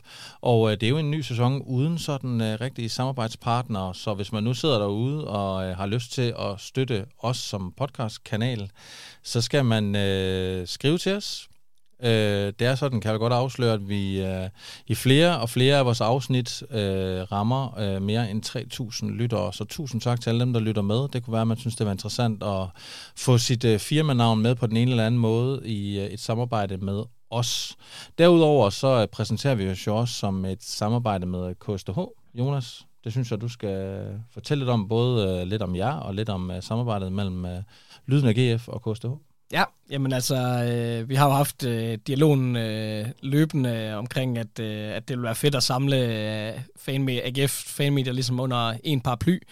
Øh, og det har vi ligesom fundet en, en, øh, en ordning på nu, kan man sige, hvor, øh, hvor vi ligesom kan, kan samarbejde om at komme med endnu flere podcasts og, øh, og have lidt forskellige øh, paneldeltagere med og så videre. Så det er mega fedt at samarbejde også, øh, apropos øh, det du selv nævner med virksomheder eller sponsorer, der, der kunne have lyst til at og øh, både støtte op, men også øh, få sit navn ud til, til en masse øh, inkarnerede Aarhus-folk. Øh, så, øh, så det er rigtig fedt, det er vi rigtig glade for. Og øh, hos KSTH.dk, der er, ja, det øh, har vi jo nævnt nogle gange efterhånden, men øh, vi prøver bare at dække øh, AGF fra så mange øh, vinkler som overhovedet muligt fra et øh, fanperspektiv, og prøve at komme ud på Fredensvang og til alle kampe, og øh, dækker egentlig øh, ja, alt, hvad der sker i og omkring øh, klubben. Så øh, man kan følge os ind på Facebook og Twitter og YouTube, og øh, så synes jeg egentlig bare, man skal følge med her på Lyden AGF øh, i jeres øh, podcast feed også. Øh, der øh, kommer vi også til at lægge vores øh, interviewbider øh, ud løbende, hvis vi laver nogle længere formater. Og hvis man øh, har lyst til at bidrage selv som fan, hvis man øh, sidder og, og er god til at skrive, eller øh, sindssygt god til at tage billeder, eller har nogle særlige evner inden for et eller andet, øh, og måske gerne vil have lidt på CV'et, eller bare ud at få øh, fingeren lidt mere på pulsen, så øh, er man selvfølgelig også velkommen til at, øh, at øh, skrive til, øh, til mig på, øh, på gudsth.dk, så, øh, så kan vi tage en snak om, hvordan man kan, kan hjælpe.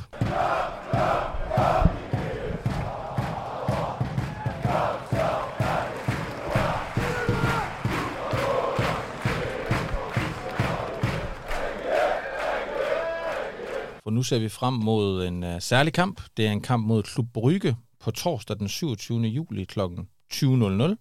Det er en øh, stor kamp for AGF, og det er nok også umiddelbart en noget større kamp for AGF end derfor øh, Klub Brygge, men det er jo nok ikke så overraskende. Øh, Klub Brygge de spiller deres hjemmekampe på Jan Breidel Stadium, et stadion med plads til lige omkring 30.000 tilskuere, sådan lidt under 29.000 der omkring.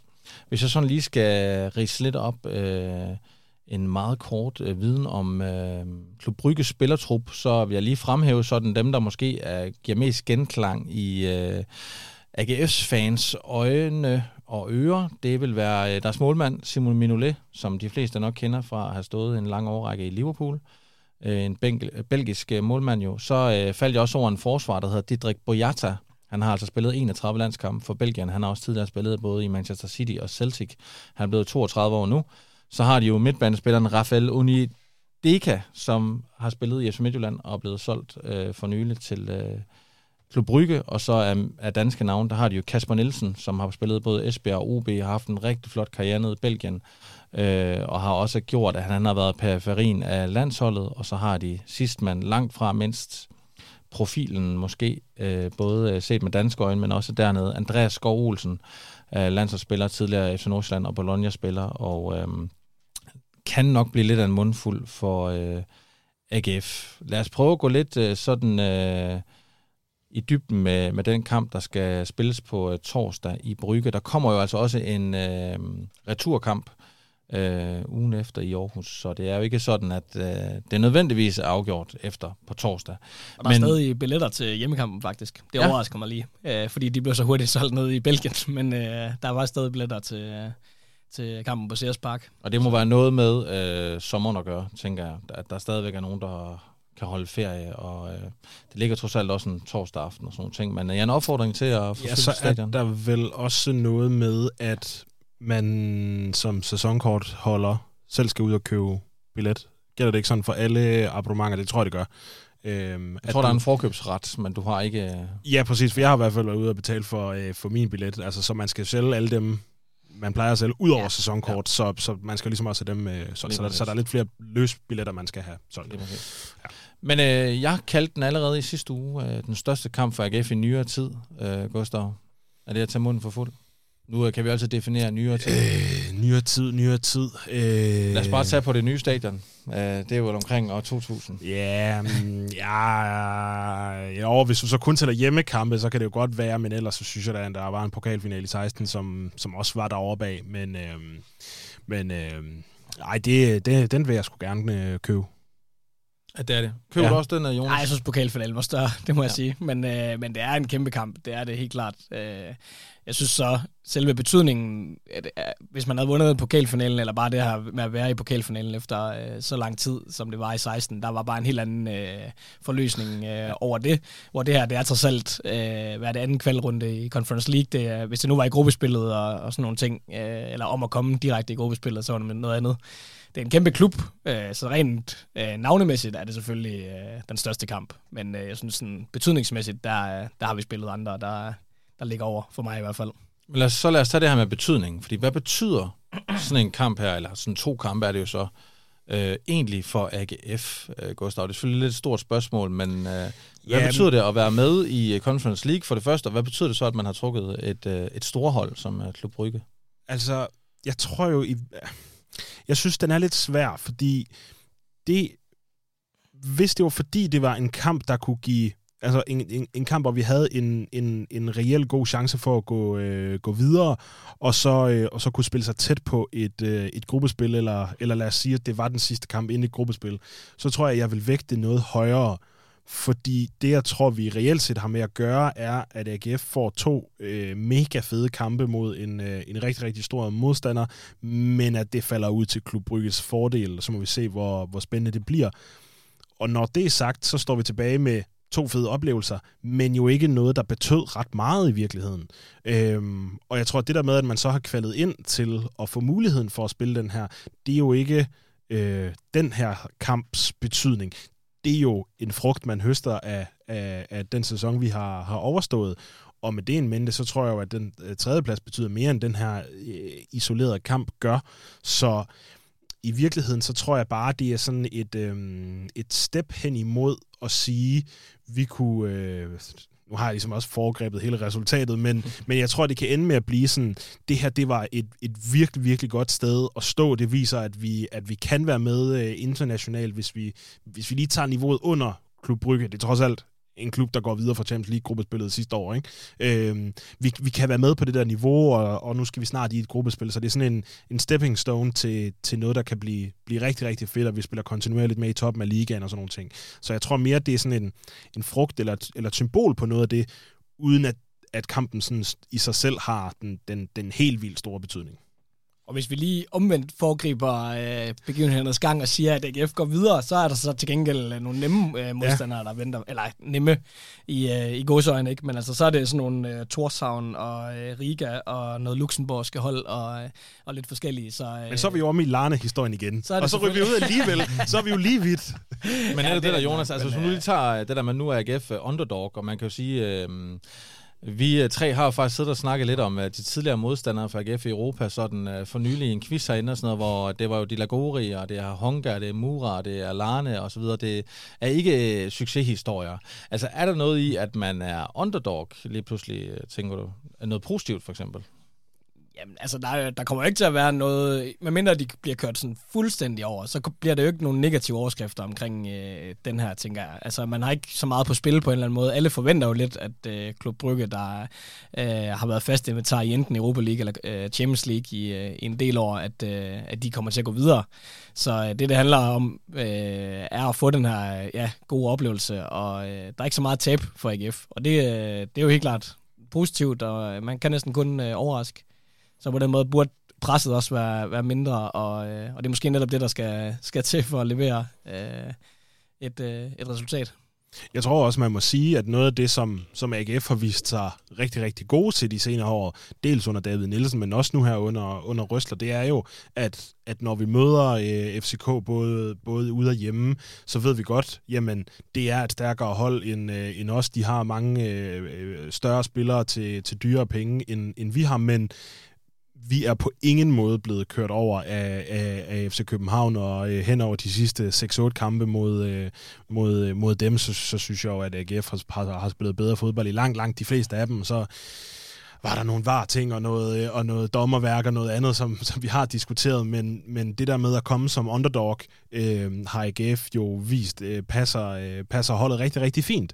Og, og det tror jeg er noget af det, man dels er der et argument for, at AGF ville kunne gøre det godt, men samtidig synes jeg, det jo også er noget, man skal spille på, når man så skal ned til den der kamp. Altså, Brygge kommer også til, øh, dels i klubben, men også, øh, også fansene kommer til at slå op. Nå, men AGF, øh, dels, øh, øh, hvordan staver man lige til Aarhus Gymnastikforening, og, og, og hvem er det, de har spillet mod? Når Larne, de der semiprofessionelle øh, øh, gutter derfra, hvad fanden er det for et hold? Og, Nå, men de har været nede i første division og venner, og sådan, ej, hvad fanden er det? Og sådan noget. Der, de kender jo ikke nogen af spillerne, og, og sådan. Altså, hvis, hvis det er den der øh, tilgang, og samtidig så Brygge jo ikke startet sæsonen endnu, hvis det er den der sådan lidt, det er en stor træningskamp for os, så tror jeg, der er noget at lukrere på for AGF, hvis man kan komme ind og, og, og virkelig baller til den, ikke? Hvis man så lige tager altså det her historiske perspektiv, man kan jo ikke bruge til noget øh, i dag, tænker jeg, at man røg ud til De La for, øh, for 10 år siden. Øh, hvis man alligevel skal prøve at sammenligne det lidt med, at sidst man var i europæisk øh, fodbold, hvor man røg ud til det her larnemandskab, øh, er AGF bedre rustet til den her europæiske opgave nu under Uwe Røsler, øh, Jonas, end man var det under David Nielsens mandskab? Ikke nødvendigvis noget med David Nielsen kontra Røsler, Røsler men måske mere med, med mandskabet og, og det, der ellers er sket i klubben. Mm, jamen, altså jeg synes faktisk, øh, lige præcis David Nielsen Røsler øh, forskellen er måske den, der er værd at tage fat i der, fordi der Røsler har bare et mere internationalt øh, perspektiv på en eller anden måde, end, øh, end David Nielsen har øh, og havde. Så, øh, så der kunne måske godt være noget, øh, noget der at vinde, at øh, Røsler ved i hvert fald, hvad det handler om. Man har også nogle erfarne øh, spillere i truppen, godt nok ikke nogen, der har spillet specielt meget europæisk, men altså, øh, jeg synes, det er et et kvalitetsmæssigt bedre hold, end, øh, end det hold, der mødte Larne, hvis man bare ser, ser sammenligner en til en.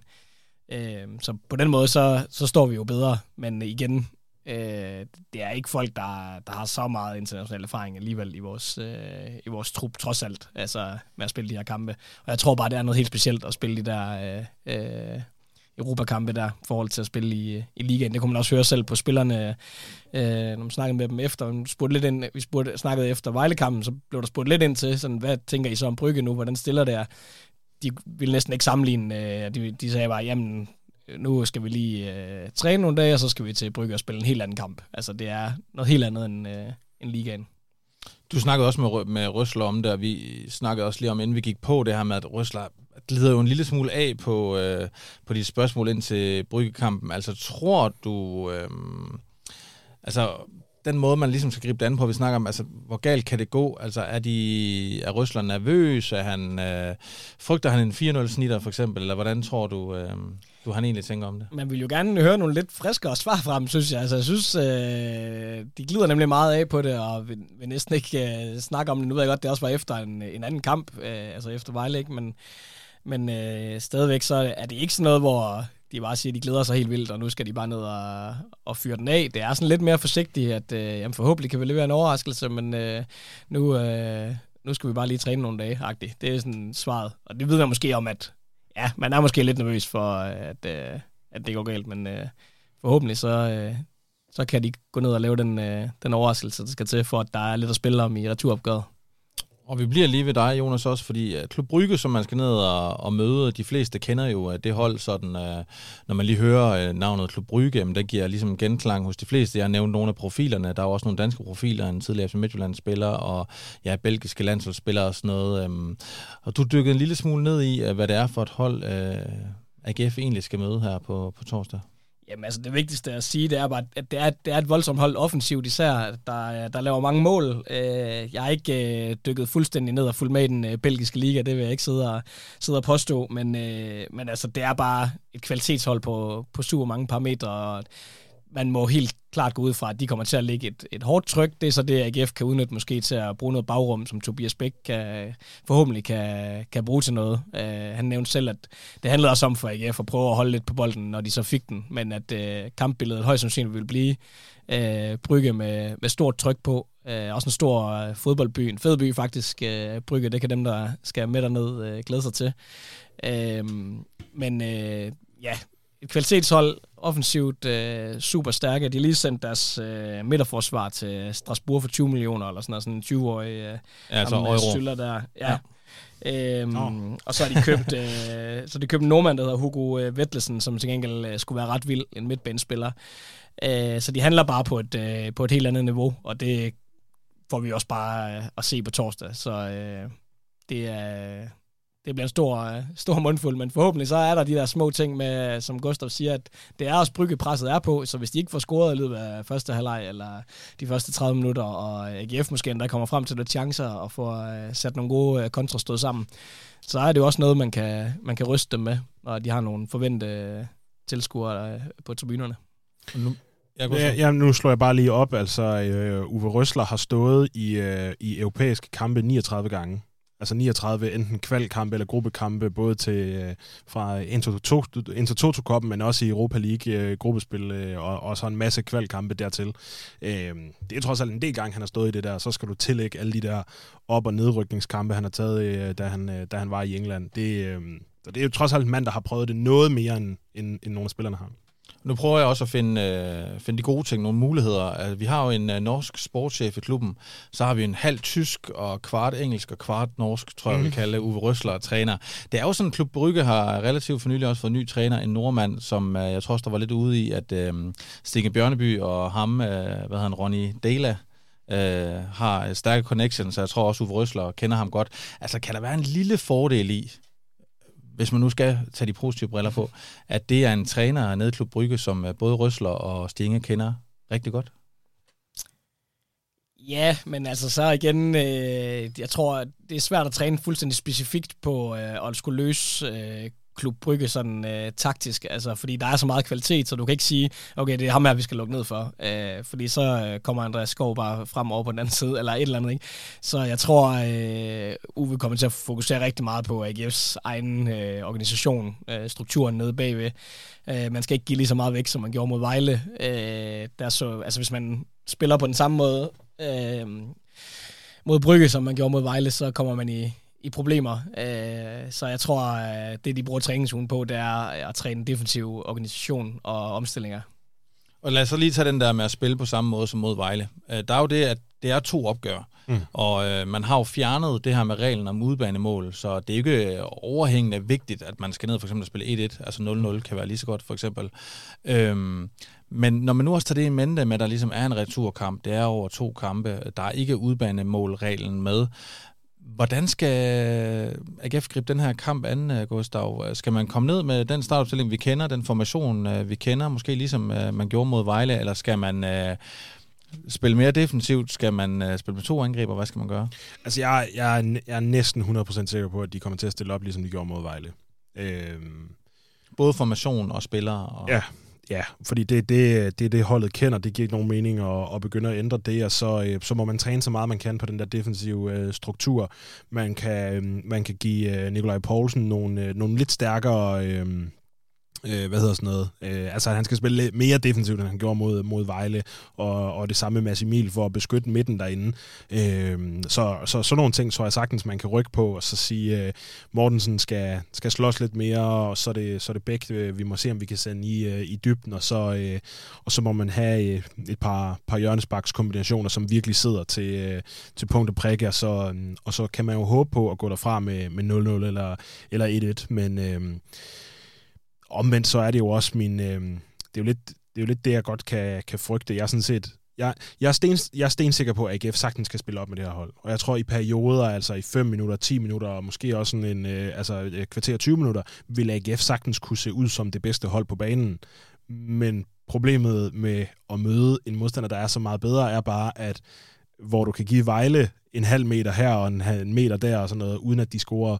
Jamen, det kan du bare ikke, når du møder et hold, der er så meget bedre end dig selv. Jamen, så, så er det bare, at de, at de scorer, og så kan man have haft 20 gode minutter fra, fra start, og så er man bagud 1-0 efter, efter 20, og så står man jo der, ikke? Øhm, og det, det er lidt min frygt, at, at, det, at det er den måde, det, det ender på. Men, øhm, men kom derfra med et kryds eller, eller et nederlag på, på en enkelt pind, det, øh, det synes jeg er klart, klart uh, succeskriterier. Så, øhm, så kan man holde den i live i, i anden kamp, og for mig at se, så er det det, det handler om. Det er at give, uh, give spillere og klub en, uh, en god aften der uh, torsdag næste uge, når det, når det er hjemme med, med, med håbet om, at det, at det kan leve. Det, uh, det er nok for mig. Er det også sådan, du ser det, Jonas, at vi må regne med, at Uwe Røsler vælger uh, det, vi kender? Ja, jeg er meget enig i, uh, i uh, alt det, Gustav siger her faktisk, så uh, jeg har ikke uh, det store til for. Det handler om at holde, uh, holde sig i live, kan man sige, uh, længst muligt, og så se, om, uh, om man netop kan, kan sætte stød ind med en kontra eller et, en død bold. Uh, ja. Og Gustav, du har allerede vævet lidt omkring uh, 0-0-1, så mm. den stil. Skal vi prøve at komme med et bud på, hvad, uh, hvad vi tror, den her kamp ender? Ikke hvad vi håber, måske lidt en blanding, men hvad, hvad, hvad tror vi, den kamp ender? Øh, Jonas, du må, du må byde først. Ja, men øh, skal jo tro på, at GF går videre, så vi kan få en kamp mod øh, Riga eller Torshavn eller sådan noget. Ikke? Så mm. jeg tænker, at de taber 1-0 ned i øh, Brygge, og så kommer de helt afslappet øh, til Aarhus, og så øh, får vi lige to øh, strafspark på sådan nogle øh, begge øh, kontra, dem hugger Mortensen ind, og øh, så vinder vi 2-1 hjemme, og så, øh, så skal vi fandme til Færøerne. du er optimist, men du tror, at øh, man taber i øh, Belgien? Hvis ja. bare lige tager på torsdag. Ja, det er... 1-0. Ja, det, det, det, det er nervøs for, at det, det der kommer til at ske. Hvad ser du, uh, Gustav? Jeg ved, du plejer at være optimistisk af natur. På AGF's vegne i hvert fald. Ja, så lad mig, så lad mig sige, at vi kommer derfra med, med 1-1. Altså, vi, øh, vi kommer godt ud, og så, øh, og så får vi scoret, vi får, får overrumplet dem. De står ikke øh, helt klar, så kommer vi foran 1-0 øh, dernede, og så, øh, så kan de bruge hele anden halvleg på at spille, øh, spille rundt om øh, Frederik Tinger, så, øh, så lige til allersidst, så, så lykkes det dem at få 1-1. Og så, øh, så stiller vi os ned hjemme, spiller 0-0, forlænget, og så dukker... Øh, så dukker, så dukker Mortensen op og pander den ind på et hjørnspark i overtiden. Så jeg håber, I har ret. Altså, jeg tror heller ikke på, at torsdag bliver en Chubank-kamp, og det bliver det jo nok sjældent, når øh, vi må formode, at AGF går ned og spiller på øh, få mål i kampen. Ikke? Så, mm. øh, så jeg tager sgu den nemmere og siger, at det bliver 0-0. Ja. Og så må vi se i returen, men øh, den bliver måske også 0-0 så afgør vi spændende, det i straffe. Så afgør spændende. vi det i straffe. Vi må se. Jeg er, jeg er også øh, i hvert fald øh, lidt optimistisk. Jeg tror ikke på, at man går ned og taber 4-0, som jeg tror også, du var omkring, Jonas, dermed. Hvis man ser øh, sådan øh, på både kampe mod FC København, FC Nordsjælland og FC Midtjylland og sådan noget, så nu skal man jo passe på med jinx for meget, men AGF har ikke for vane at gå ud og få en kæmpe snitter. Øh, jeg tror, en enkelt gang har man tabt med mere end et, et mål øh, under Uwe Røsler, og det var vist til... Øh, til, øh, til FC København og muligvis øh, en enkelt gang til FC Nordsjælland også i pokalturneringen. Men ellers så har man jo ikke for vane at gå ud og tabe med 2-3-4 mål, så øh, det tror jeg heller ikke, man gør her, selvom modstanderen er, nok er lidt stærkere end de bedste danske klubber. Vi skal også lige nå en uh, sidste ting, og uh, det er jo sådan, at selvom vi gerne vil snakke om Europa og Klub Brygge og så videre, så uh, ruller Superligaen altså også. Og der bliver knald på de næste uger med uh, Superliga-kampe og de her to kampe mod uh, Klub Brygge. Og det er altså også sådan, at om en uge uh, næste mandag, der spiller man uh, næste Superliga-kamp. Det gør man igen på hjemmebane på CS Park mod FC Nordsjælland. Og der spiller man jo så højst sandsynligt mandag, fordi man har den her torsdagskamp, og det har man jo så igen torsdagen efter øh, mod øh, Klub Brygge. Men øh, man får altså besøg af, af FC Nordsjælland øh, næste mandag. Øh, det er jo sådan, at øh, Uwe Røsler havde givet udtryk for, at det er meget vigtigt, at man øh, kommer godt fra start i år. Det gjorde man jo med 1-0 mod Vejle. Men det er jo ikke nok... Øh, og der tænker jeg, at det her element med, at Superligaen den deles i bund og top 6 efter bare 22 runder, er jo vildt vigtigt for AGF. Så der er jo lige pludselig både fokus på at se, om man kan spille sig videre fra Klub Brygge, men også fokus på at få en så god start i Superligaen som muligt. Øh, Jonas clasher den her gode start i Superligaen let med de her europæiske kampe? Øh, altså det, det gør den jo på en måde. Altså det, vi, det, vi er et hold, der ikke er vant til at have et tæt øh, kampprogram, og pludselig så starter man bare benhårdt ud øh, med, med at have to i ugen. Øh, så, så på en måde clasher det, og det, det får vi jo bare at se, hvordan, øh, hvordan de takler. Altså, det er igen det her med bredden. Vi så øh, kampen, testkampen mod Midtjylland, der var det jo ikke så fedt med bredden. Altså, øh, de vinder 2-0 i, i den rigtige kamp, kan man sige, og så spiller de en tredje halvleg, hvor det er reserverne fra begge mandskaber, hvor Midtjylland vinder, vinder 3-0. Øh, så det er jo bredden, der er AGF's akillesal i forhold til at følge med øh, de bedste hold. Øh, og den må stå sin prøve jo, og der, der, der kan jo stadig nå at komme øh, mere ind også på transfermarkedet. Så øh, lad os i hvert fald håbe, de lige får hentet en forsvarsspiller mere. Kan man forestille sig, Gustav, at vi allerede i kampen mod FC Nordsjælland ser en form for rotation i øh, AGF's startopstilling, eller hvordan tror du, man griber det her efterår an med mange kampe? Der kommer også pokalkampene, og meget af Superligaen skal jo afgøres inden for de her 22 runder. Det er ekstremt vigtigt, at man kommer i top 6, eller forestiller man sig måske mere bare, at Uwe Røsler, han kører på med nogenlunde de samme 12, 13, 14 mand, og så øh, ser, hvor langt det kan, det kan bære? Vi så jo altså, forsvar, i foråret, at, at man har spillet med hal, halvskadede spillere til sidst, uh, Mølgaard, Mortensen osv. Mm. Er det det samme scenarie, vi skal ud i efteråret? Fuld knald på de bedste spillere? Øh, ja, det tror jeg, og så, øh, så tror jeg også, vi skal huske på, at, øh, at vinduet er jo stadigvæk øh, pivåbent, så der er, der er tid til. Nu har man fået øh, start 11 på plads, og så, øh, så nogenlunde i hvert fald, skal man hente noget, der kan, måske kan, kan byde sig til, øh, som vi har snakket om. Så, øh, så den der med bredde kan man jo stadigvæk øh, øh, skrue op for, hvis, øh, hvis det er det, man vil. Og så tror jeg, vi skal tænke på, at vi er stadigvæk tidligt i, øh, i, øh, i, i sæsonen, så, så folk har altså holdt noget, øh, noget sommerferie og blevet de der skader kvidt. Så, øh, så det er ikke lige så hårdt at spille, øh, spille to kampe om ugen nu, som det vil være i øh, øh midt, midt på et, et forår. Øh, så, så det tror jeg sådan set øh, sagtens, man kan. Altså hvis, hvis Uwe vil spille med de samme 11, så, øh, så vil han godt kunne det sådan rimelig, øh, rimelig mange af de, øh, af, af, af, af de første kampe her i træk. Øhm, omvendt så tror jeg, at vi er i en situation, hvor øh, hvis Magnus Knudsen kan, kan være med, jamen, så skal han også ind og have mange minutter. Både Andersson, Duhlund og, og Bæk øh, kan jo ikke spille øh, sammen altid. De øh, skal ind og have minutter. Janisera skal ind og have minutter også. På, på den måde, så, øh, så roterer man jo en, øh, en lille smule, og, øh, og samtidig så har man også muligheden for at og, og ændre kampbilledet en lille smule. Øhm, jeg kunne godt forestille mig, at, hvis vi ikke havde været i Europa, og vi så starter med, med Vejle, og så møder Nordsjælland bagefter, jamen det er to forskellige kampe, der skal spilles, og der vil Røsler måske også sætte holdet forskelligt op, så, så, øh, så at der bliver roteret en lille smule, tror jeg ikke nødvendigvis har noget at gøre med, at man, øh, man bliver sparet. Øh, så kan man jo sige, at nu øh, er AGF så godt et hold, at man sidder første runde af pokalen over øh, den, der bliver spillet nu her om, øh, om 14 dages, øh, dages tid. Det er jo først i, i anden runde, man træder ind, så sparer man en, øh, en, øh, en, en kamp der, så øh, jeg tror nok, at der er tre landskampsterminer i det her efterår, hvor man så får en, øh, en uges pause. Det, det letter også lidt af trykket. Så kan man godt køre lidt hårdere på nu her i starten, og så, øh, så er det der midt september, at der kommer en, øh, en landskabspause, så kan man nå at samle lidt op der, hvor, øh, hvor spillerne kan få noget, noget fri. Så jeg tror ikke, det er det store problem. Altså FC Nordsjælland mandag den 31. juli kl. 19.00 igen på Sears Park. FC Nordsjælland er en modstander, som er sådan lidt op og ned for AGF, hvis man i hvert fald ser på øh, sidste sæson. Her mødte man hinanden fem gange fire gange i Superligaen og en gang i pokalturneringen. I øh, Superligaen fik man fem point, man vandt en gang, spillede to uafgjort og tabte jo så en, og så røg man altså også ud til FC Nordsjælland øh, på CS Park i pokalturneringen i øh, en af de sidste kampe i efteråret. FC Nordsjælland har ikke spillet endnu, for de spiller først i aften, så vi kan jo ikke lige vide, hvordan det er gået med en første kamp. Men de har blandt andet fået Markus Ingvartsen hjem, så har de jo ikke solgt deres allerstørste stjerner endnu, så må ikke, at... Øh, AGF ikke bliver fri for dem. Jeg kunne forestille mig, at hvis de ikke er solgt heller til den tid, så spiller de jo selvfølgelig mod AGF. Jonas, øh, AGF FC Nordsjælland, hvordan ser du frem mod, øh, mod den kamp? Jamen, det, jeg, jeg vil rigtig gerne se øh, kampen.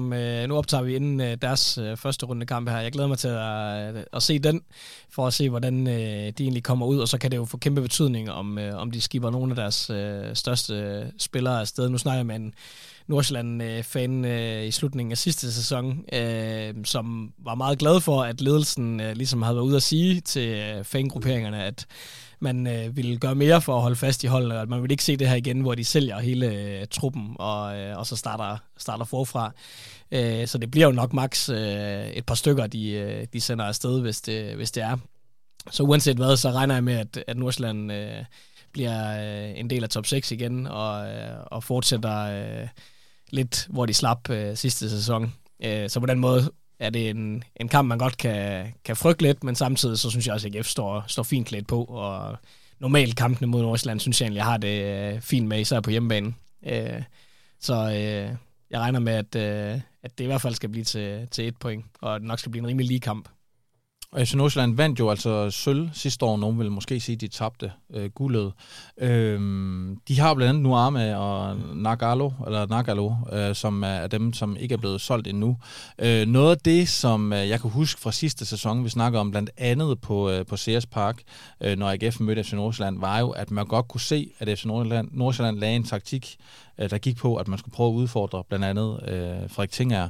Øh, Gustav, kan man frygte lidt i lige præcis i sådan en kamp. Nu er det ikke, fordi vi skal hænge uh, særligt lige ham ud, uh, men vi snakker jo lidt om i starten af udsendelsen, at uh, man godt kan se, at der er forskel på Bisek og TK, for eksempel i farten. Altså man står tilbage nu med Mølgaard, som er uh, rigtig hurtig og rigtig stærk en mod en. Men kunne man godt frygte lidt nu over for uh, et hold som FC Nordsjælland, at det hedder TK, Tinger og Mølgaard, og ikke Bisek, Tinger og Mølgaard? Ja, det kan man da godt, øh, det kan man da godt øh, frygte. Øh, omvendt øh, kan jeg også øh, håbe, at, øh, at, at AGF er blevet så gode på bolden, at det, øh, det ikke er en situation, man øh, kommer til at havne i så forfærdelig øh, tit. Øh, men, øh, men omvendt, når man, når man spiller meget med bolden, står højt, så, så er der jo den der øh, risiko, men øh, ja, så kan det være, at øh, Jesper Hansen han skal have... Øh, øh, forbud for at stå inde i feltet, og så, så stå og spille, øh, spille, spille den ud, øh, eller hvad hedder sådan noget, øh, opsnap de der, de der bold, der måtte komme, som, som, så må man løse det på den måde. Det er klart, det er en risiko, men, øh, men omvendt, så, øh, så, så, så, tror jeg, øh, så tror jeg ikke, at det er noget, der, der fylder sådan helt vildt meget. Vi kommer også til at kunne sige det der til alle kampe jo. altså, at TK er ikke lige så god som Bisek. Punktum. Uh, så det må vi ligesom leve med, og så skal både truppen og trænerstaben ligesom uh, finde en ny øh, taktisk løsning på det, som jo for eksempel er, at Gif Links måske tænker lidt mere defensivt og bruger sin hurtighed uh, uh, sammen til at bakke op om, om TK. Det er en god pointe. Lad os lige hurtigt tage øh, os omkring startopstillingen. Det er ikke, fordi vi skal tage hele startopstillingen nu, men vi så jo sidste år, og I har også allerede været omkring, at Nikolaj Poulsen jo lige viste øh, mod Vejle, at han altså godt kan spille bold. Men vi så jo sidste år, at FC Nordsjælland kampe endte med ikke at være Nikolaj Poulsen kampe. Øh, kan man se det scenarie igen, Jonas, eller tænker du, at øh, Nikolaj Poulsen øh, også spiller mod Nordsjælland på mandag? Øhm, jeg synes, med hans performance nu her, der, der tyder det på, at han starter ind. Og, og altså, de fleste, eller de kampe, hvor han ikke, ikke spillede, der, der manglede han jo også i, i nogle afgørende øh, momenter. Så, øh, så jeg tror ligesom, man har den der tanke omkring, at man kan godt, han kan undværes, men, øh, men han er stadig førstevalg til den der position. Og øh, det regner jeg også med, at vi kommer til at se mod øh, Nordsjælland. Og så tager vi lige det aller sidste, Gustav. Nu spurgte jeg ikke om det i bryggekampen, for jeg synes, det er en lidt anden modstander. Men jeg kan jo godt lide at stille to spørgsmål i et spørgsmål her til ja. sidst. Og det er jo, altså, skal AGF vinde over FC Nordsjælland? Og vinder AGF over FC Nordsjælland? Hmm, skal, skal, skal, skal, skal. Øh, nej, det skal vi ikke. Øh, men vi skal ikke tabe. Ja, og øh, så, så du er ude i et, et kryds-scenarie. Ja. ja, og jeg tror måske i virkeligheden også, det er sådan, at Nordsjælland øh, godt kunne have det. Øh, hvis de kommer fra, fra land med en sejr mod Viborg, så, øh, så tror jeg også, de, øh, de synes, at, den, at, at det kryds mod, øh, mod AGF, det, det er fint for dem i den situation, de står i, og det er tidligt på sæsonen, og man har stadigvæk ikke tabt, og øh, så, er det, så er det nok øh, meget godt. Så, øh, så, så jeg vil sige, at kryds er et øh, sandsynligt scenarie. Hvordan har du det med, Jonas? Øh, skal AGF vinde over et hold som FC Nordsjælland i Aarhus, Jamen, og, altså, og vinder de? Jamen altså, man kan sige, at AGF øh, med et kryds, så vil de jo øh, stå og kunne sige, at de har spillet uafgjort med sidste sæsons øh, mesterskabskandidater, og øh, selvfølgelig godt nok på hjemmebanen, så, øh, så det er også der, man, man måske skal tage sejren, hvis det er. Men øh, jeg er meget enig med Gustav, at øh, en sejr vil være, være dejlig, men øh, uafgjort er også øh, godkendt, og det tror jeg, øh, klubben også selv vil stå og sige bagefter, at så har man været igennem et, øh, et stramt øh, kampprogram, og øh, man har øh, været op imod... Øh, øh, andenpladsen fra sidste sæson. Ikke? Øhm, så øhm, alt i alt, så, så tror jeg, øh, kryds eller øh, en sejr, det er, det er det, der skal gås efter. Og så tager vi lige bud på resultatet. Jeg sætter mig igen i den situation, at jeg lader jer to øh, vælge først, og jeg tror, Alexander vil blive glad for, at jeg nævner, at han nævnte 1-0 til AGF mod Vejle sidste gang. Der havde han ret. Men han sagde godt nok, at han mente, at Magnus Knudsen ville blive matchvinder. Det, det kan man så sige, det, det gjorde han ikke. Han sad også og himlede med øjnene, da han så Knudsen ikke starte ind. han sad og brugte sig helt fast halvleg, og han ikke var på banen. og så kom han endelig ind og leverede jo ikke, måske ikke helt Nej, det, Alexander, han, havde, han havde blæst op til, men han fik 1-0. Men lad os så høre et bud på resultatet, Gustav. Hvad, hvad bliver kampen? Jeg vil gerne lige vende tilbage til Vejlekampen. For, for jeg har ikke sagt, jeg får budt på 2-0. Ja, det gør du. Og så får jeg budt, Tobias Bæk, han scorer i første halvleg. Jo, det tror jeg faktisk, du gjorde jo. Det tror du var Skal I ikke også have lidt, eller hvad? jo, men jeg synes, det hele blev ødelagt af, at det ikke scorer. jeg tror, du sagde Mortensen i anden halvleg, ikke? Ja, okay. Øh, bud på resultatet. Ja, øh, 1-1. Jeg siger score. Ja, vi skal lige hurtigt have... Hvem, hvem scorer? Hvem scorer? Ja, vi skal det gør... Patrick Mortensen. Jonas? Ja, jeg tror også, uh, Mortensen scorer. Der skal ikke gå to kampe, uh, hvor han ikke er topscorer i, uh, i AGF. Så jeg tænker bare, det bliver en uh, stille og rolig 1-0, og så, uh, og så er vi også uh, videre i, uh, i, uh, på vej videre i Europa, og så uh, er vi virkelig godt fra start den her sæson. Stærkt. Så går jeg sgu med et resultat, jeg ikke tror, jeg har nævnt før. Uh, 2-2. Det er... Um, oh, mange mål. det er det, men det er FC Nordsjælland, og jeg kan se for mig de der hurtige angriber, og Ingvartsen er hjem, og så videre. Men jeg tror også, at uh, vi skal have Mortensen i gang, og, uh, og Bæk kunne også godt uh, lave en. Så, så jeg siger, jeg siger sgu 2-2. Jeg er lidt frisk der. Jeg sad egentlig og tænkte, jeg siger sgu 0-0 igen. Men uh, nu vil jeg prøve at være lidt spralsk. Ja. Så uh, jeg siger 2-2. Og uh, så har jeg faktisk lige, jeg vil egentlig have nævnt den allerede under, uh, under Galehuset. Uh, men jeg har en appel simpelthen til, ja. uh, til spillerne. Så hvis nu der er nogen, der, der hører med i dag, så, uh, så kan I jo lige prøve at sprede den i, i omklædningsrummet. Uh, men det er sådan, at... Uh, jeg er jo far og har to børn, og den ene er nu blevet så gammel, at jeg kan forsøge at indoktrinere hende. Øh, og ja. jeg har taget hende med på stadion to gange nu. Anden gang var i går, øh, hvor hun var med. Hun er seks år gammel, og, øh, og jeg kan jo godt afsløre, at øh, kampen for hende øh, bliver bedre af, at der både er chips og slik i boderne. Så, øh, ja. så stor kado til det, i hvert fald. Men øh, både første gang, da vi var derude, det var vi mod OB, da man vinder 1-0 i foråret, og så var vi i går. Og jeg ved godt, det regner og alt sådan noget. Men en appel til spillerne om at huske at der er børn øh, på stadion, mm-hmm. og øh, at øh, jeg kan selv huske fra jeg var barn, noget af det bedste, øh, det var jo at komme ned lige og få en high five af nogle af spillerne efter kampen. Og hverken mod OB eller mod øh, Vejle, altså to kampe, man vinder, kommer en eneste af spillerne ud til familietribunen efter kampen. Hvilket jeg synes er en lille smule ærgerligt. Jeg mm. ved godt, det regner helt vildt i går og sådan Men det havde betydet lige 2% ekstra for hendes kamp i går, hvis hun havde fået en high five af en eller anden af spillerne. Hun ved sgu alligevel ikke helt, hvem de er og sådan noget, men hun kan godt fornemme, at der er noget særligt ved de her gutter, der er inde på, øh, der er inde på banen. Øh, og øh, så min appel er, prøv lige at huske øh, den nye generation, der står derude. Det er en lille high five på vej ud af banen kan altså øh, betyde mere end øh, som så. Så jeg synes, man skal huske familietribunen. De går rundt ind på banen, de går og klapper. Jeg godt mærke på spillerne, de vil sgu gerne ned og tørre tøj på. Jeg kan sådan set godt forstå det. Men øh, sådan lidt... Øh, virker det på mig som om øh, lidt, af, lidt af, mere af sådan, at det skal vi, end af lyst, kommer de jo lige ned til stemningstribunen og øh, får lige hoppet lidt og klappet lidt op og sådan noget. Der var ikke den helt store fejring i går. Øh, men øh, de er så tæt på familietribunen, de kunne godt lige have været derhen. Husk det. Det er en lille ting. Husk mm. det. Øh, var det så ikke det, var det? Jo. Er altså, det for meget for langt? Øh, nej, nej, nej, overhovedet ikke. Jeg vil bare sige, altså i forbindelse med det der, der, øh, der er også øh, nogle gange, når jeg har, øh, har været til, øh, til træning ude på øh, Fredensvang, hvis man, øh, hvis man øh, kan tage... Det er jo om formiddagen, så det kan være svært for de, for de fleste med, med en normal øh, hverdag, men, øh, men hvis man kan, kan tage fri til det, hvis man har lidt sommerferie her i, i den her eller næste uge, så er det jo en oplagt måde at, øh, at i hvert fald også få, få hils på spillerne øh, og, øh, og få taget nogle, øh, nogle billeder. Det plejer de at være gode til øh, derude. Klart. Så, øh, så kan man snyde sig vej øh, den vej. Klart. Og så er det hyggeligt. Helt sikkert. Med det, så tror jeg, at jeg vil sige uh, tak, fordi I kom. Lad os uh, håbe det bedste. Det er jo to kampe, vi skal overvære her uh, inden uh, næste afsnit. Vi udgiver en gang i uh, næste uge. Kom så det vi. Kom så det vi. Tak for det. Ja, tak.